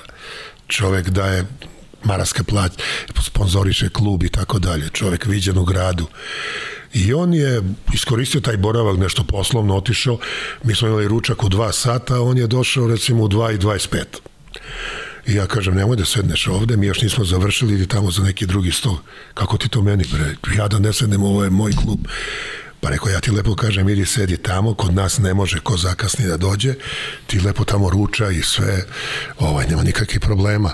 Imaš, znam da imaš to, ali ne dozvoljavam ja. I on se pokupi, uzme renta kart, nije mogo drugčije i ode u Zadar. I odmah sazvao je vanrednu ovaj, upravni odbor. Kaže predsedniku ja ili on ili ja, predsednik bio Branko Periša, pa čekaj polako, bre, ne možemo, nađemo sad trenera, vidiš da nam ide dobro, drugi smo na tabeli, igrači ga poštuju, vole, ne pustiti publiku, ali te tek možemo, nađemo. On, on ili ja i gotovo, ono što je on meni uradio, ono je uvreda i tako dalje koliko ja radnika vodim, on će meni to pred igračima dobro, možda sam bio neprijatan i oni normalno glasaju, uvek je 11 članova, uvek neparan broj da, da ne bi bilo Ima većina. nerešeno, da. I 8-3 za mene. Jedan od ta tri je bio on, ali 8-3 za mene, pa oni znaju da će ostati, ja žive u tom gradu sa njim, on je viđen čovjek, ali opet uprava je odlučila. Da, Hoću da kažem koliko sam ja tad imao neku snagu i nije bilo šansi da nešto uprava se meša, predsednici nešto me zovu na raport i tako to je, meni je prvi težak bio ovaj Čović, ali e, Čović već nije bio socijalizam, Čović je njegov klub, njegov privatni klub i FNP, on može stvarno radi šta hoće. E, ja tu nisam se, na, to je mene iz socijalizma, do, došao sam ovde i tu se nisam ovaj adaptirao dobro. Nije mi to prvi put sa Čovićem, to sam ja uradio i u Belgiji. Izgubim velike pare od ugovora, isto izbacim predsednika iz slačionice i je otkaz u Litvaniji.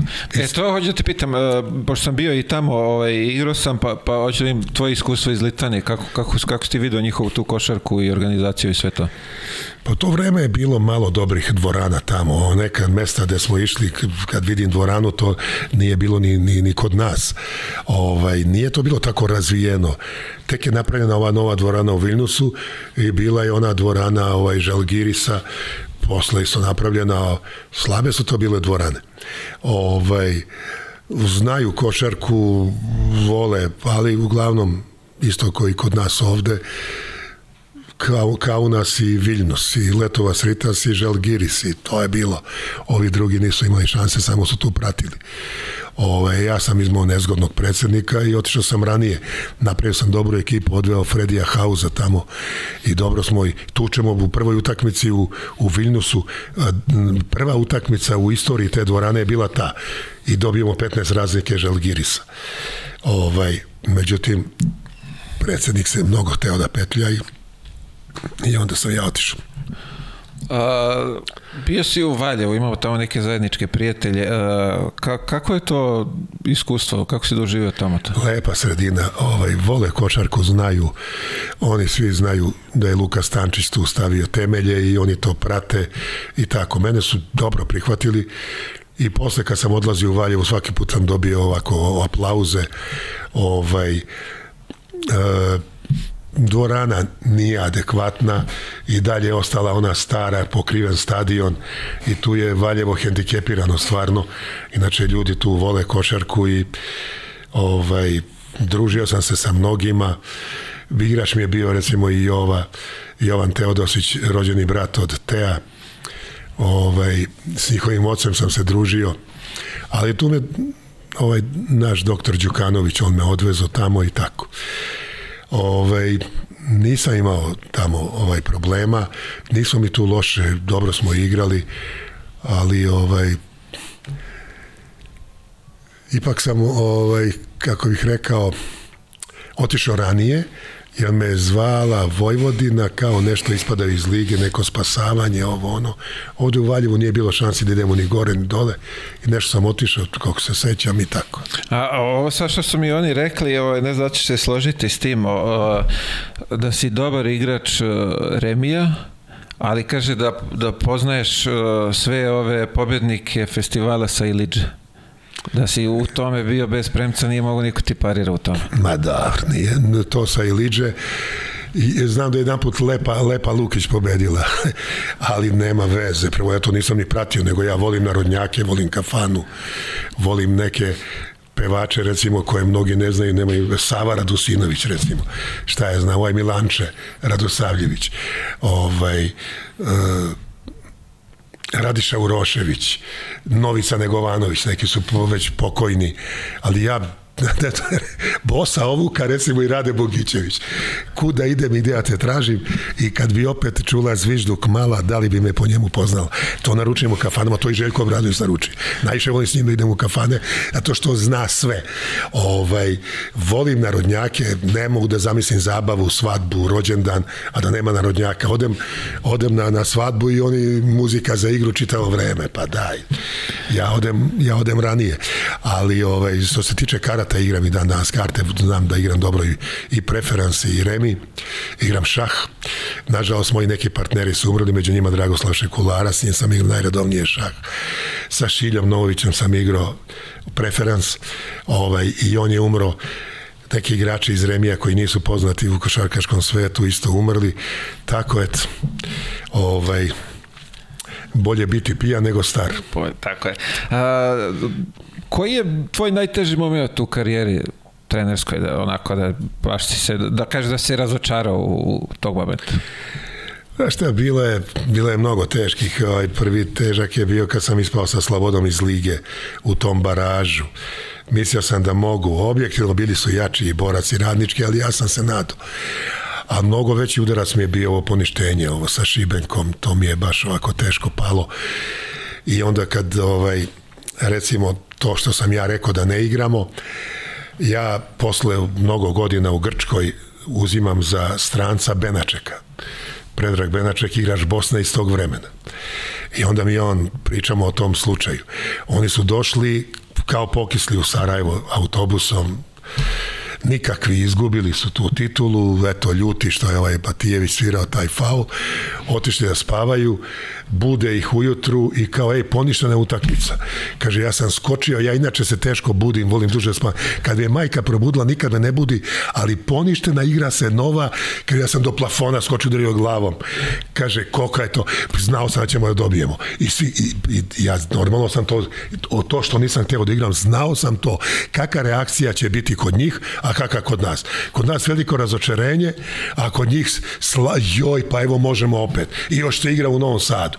Da je rekao Savez tada, igrate u Šibeniku pred praznom dvoranom ili igrajte u Zadru, u Zagrebu, u Splitu, igrajte u Ljubljani, nekako i prihvati, evo te igrate u Rijeci.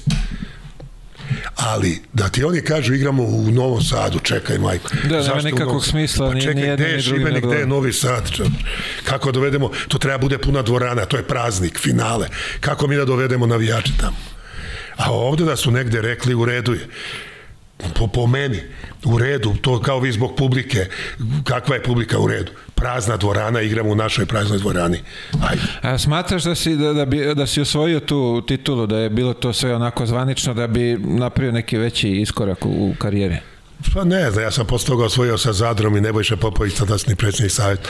On mi je rekao, ej, ovo je tvoja lična, ali ja kažem, ne možete da ovu da mi uzmete. On kaže, nema šansi, ali ovo je tvoja lična titula, svaka tebi čast šta si ti dobio.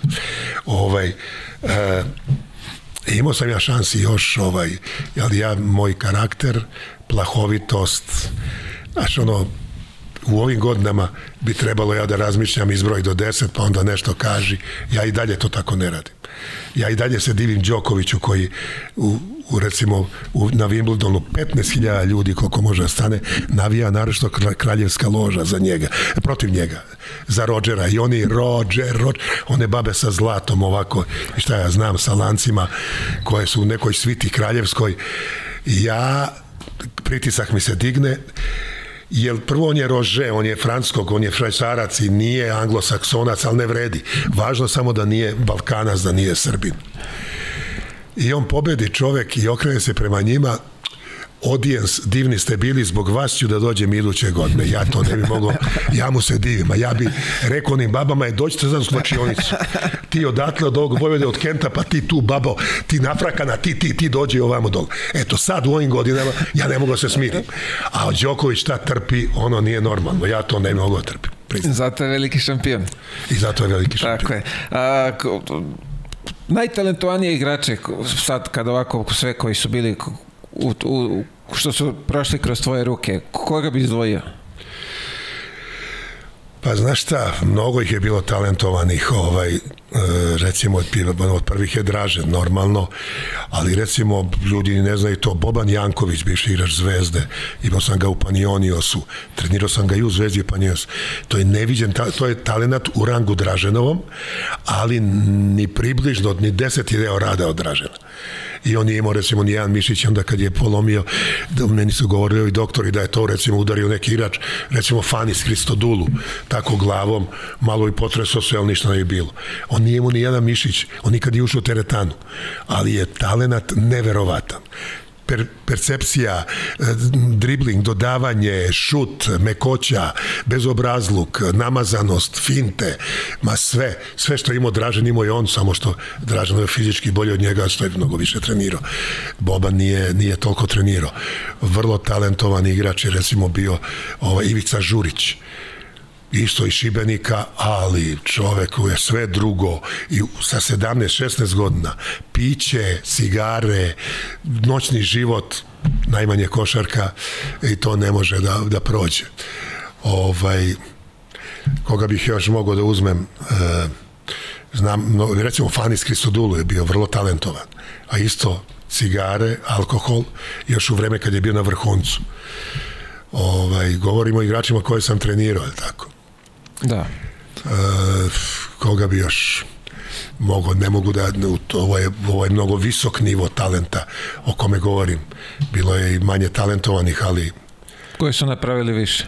koji, na, to je bilo, to je baš talenat, ono, vidiš ga da je rođen za to, ti vidiš recimo, šta ja znam, moj ovaj mali Aleksandrov, koji nap... on recimo, kad sam ga ja ono malo kratko trenirao, on je neke elemente koje bi recimo izvodio Iaš Krabić i šta ja znam, Jorović ili šta ja znam ko je tada bio u ekipi ti si, znaš ono kad ja kažem ajde malo polukorak, da, da, pa malo se sad svih tih daš ovako, pa onda malo leva ruka i tako dalje to je Aleksandrov nekako najkitnjastije radio ima nešto tu, nešto plus a nikog karijeru nije napravio, valjda je ta povreda. Dobro, da njega je, mislim, povreda izbacila da. iz koloseka. Inače, on je imao to nešto, nešto što ne možda naučiš trener mnogo treba, trener mora da uputi igrača. Svataš, ne može trener nikada da kaže ja sam naučio, ovo je moj igrač, ja sam ga naučio. Nikad ne može da kažeš to. Nikad nisam rekao Dražen je moj igrač. Ja sam mu pomogao da postane to. Ja sam ga uputio, ja sam ga savetovao. Ali prvo, kako sam ja mogu da Draženu pokažem neke elemente, kao on to bolje izvodi od mene. Znači, nije on od mene naučio to. Ali sam ga uputio, sam ga gurao na uštreb Srećka Jarića, koji je normalno bio ljut u to vreme. Jarić bio bog. On ne može da igra od ovog malog, zato što mali nije volio da igra s njim zajedno. Ja stavim Srećka na jedan, njega na dva, on neće, on je to vreme hteo da igra jedan. Kao Srećko mnogo davi loptu. Ali eto, ja sam tu onda pomogao, ja sam morao ili da me Srećko mrzi, a da ovog malo guram da bude to što jeste i pomogao sam mu i to je Dražan osjećao i znao.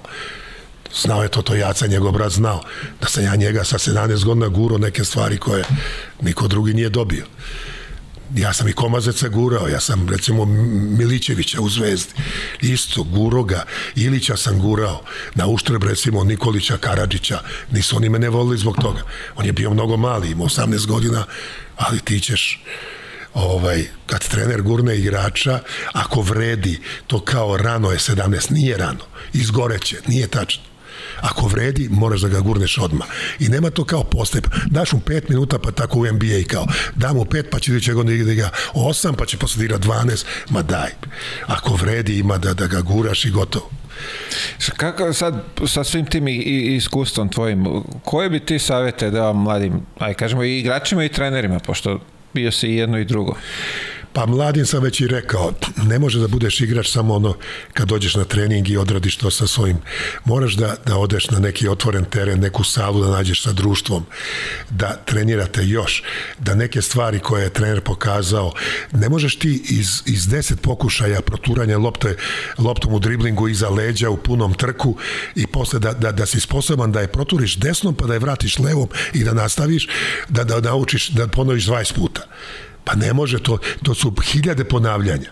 Hiljade ponavljanja da ti to u tri noću kad te neko probudi možeš to da uradiš. Ili kroz noge pa je vratiš, pa rolling.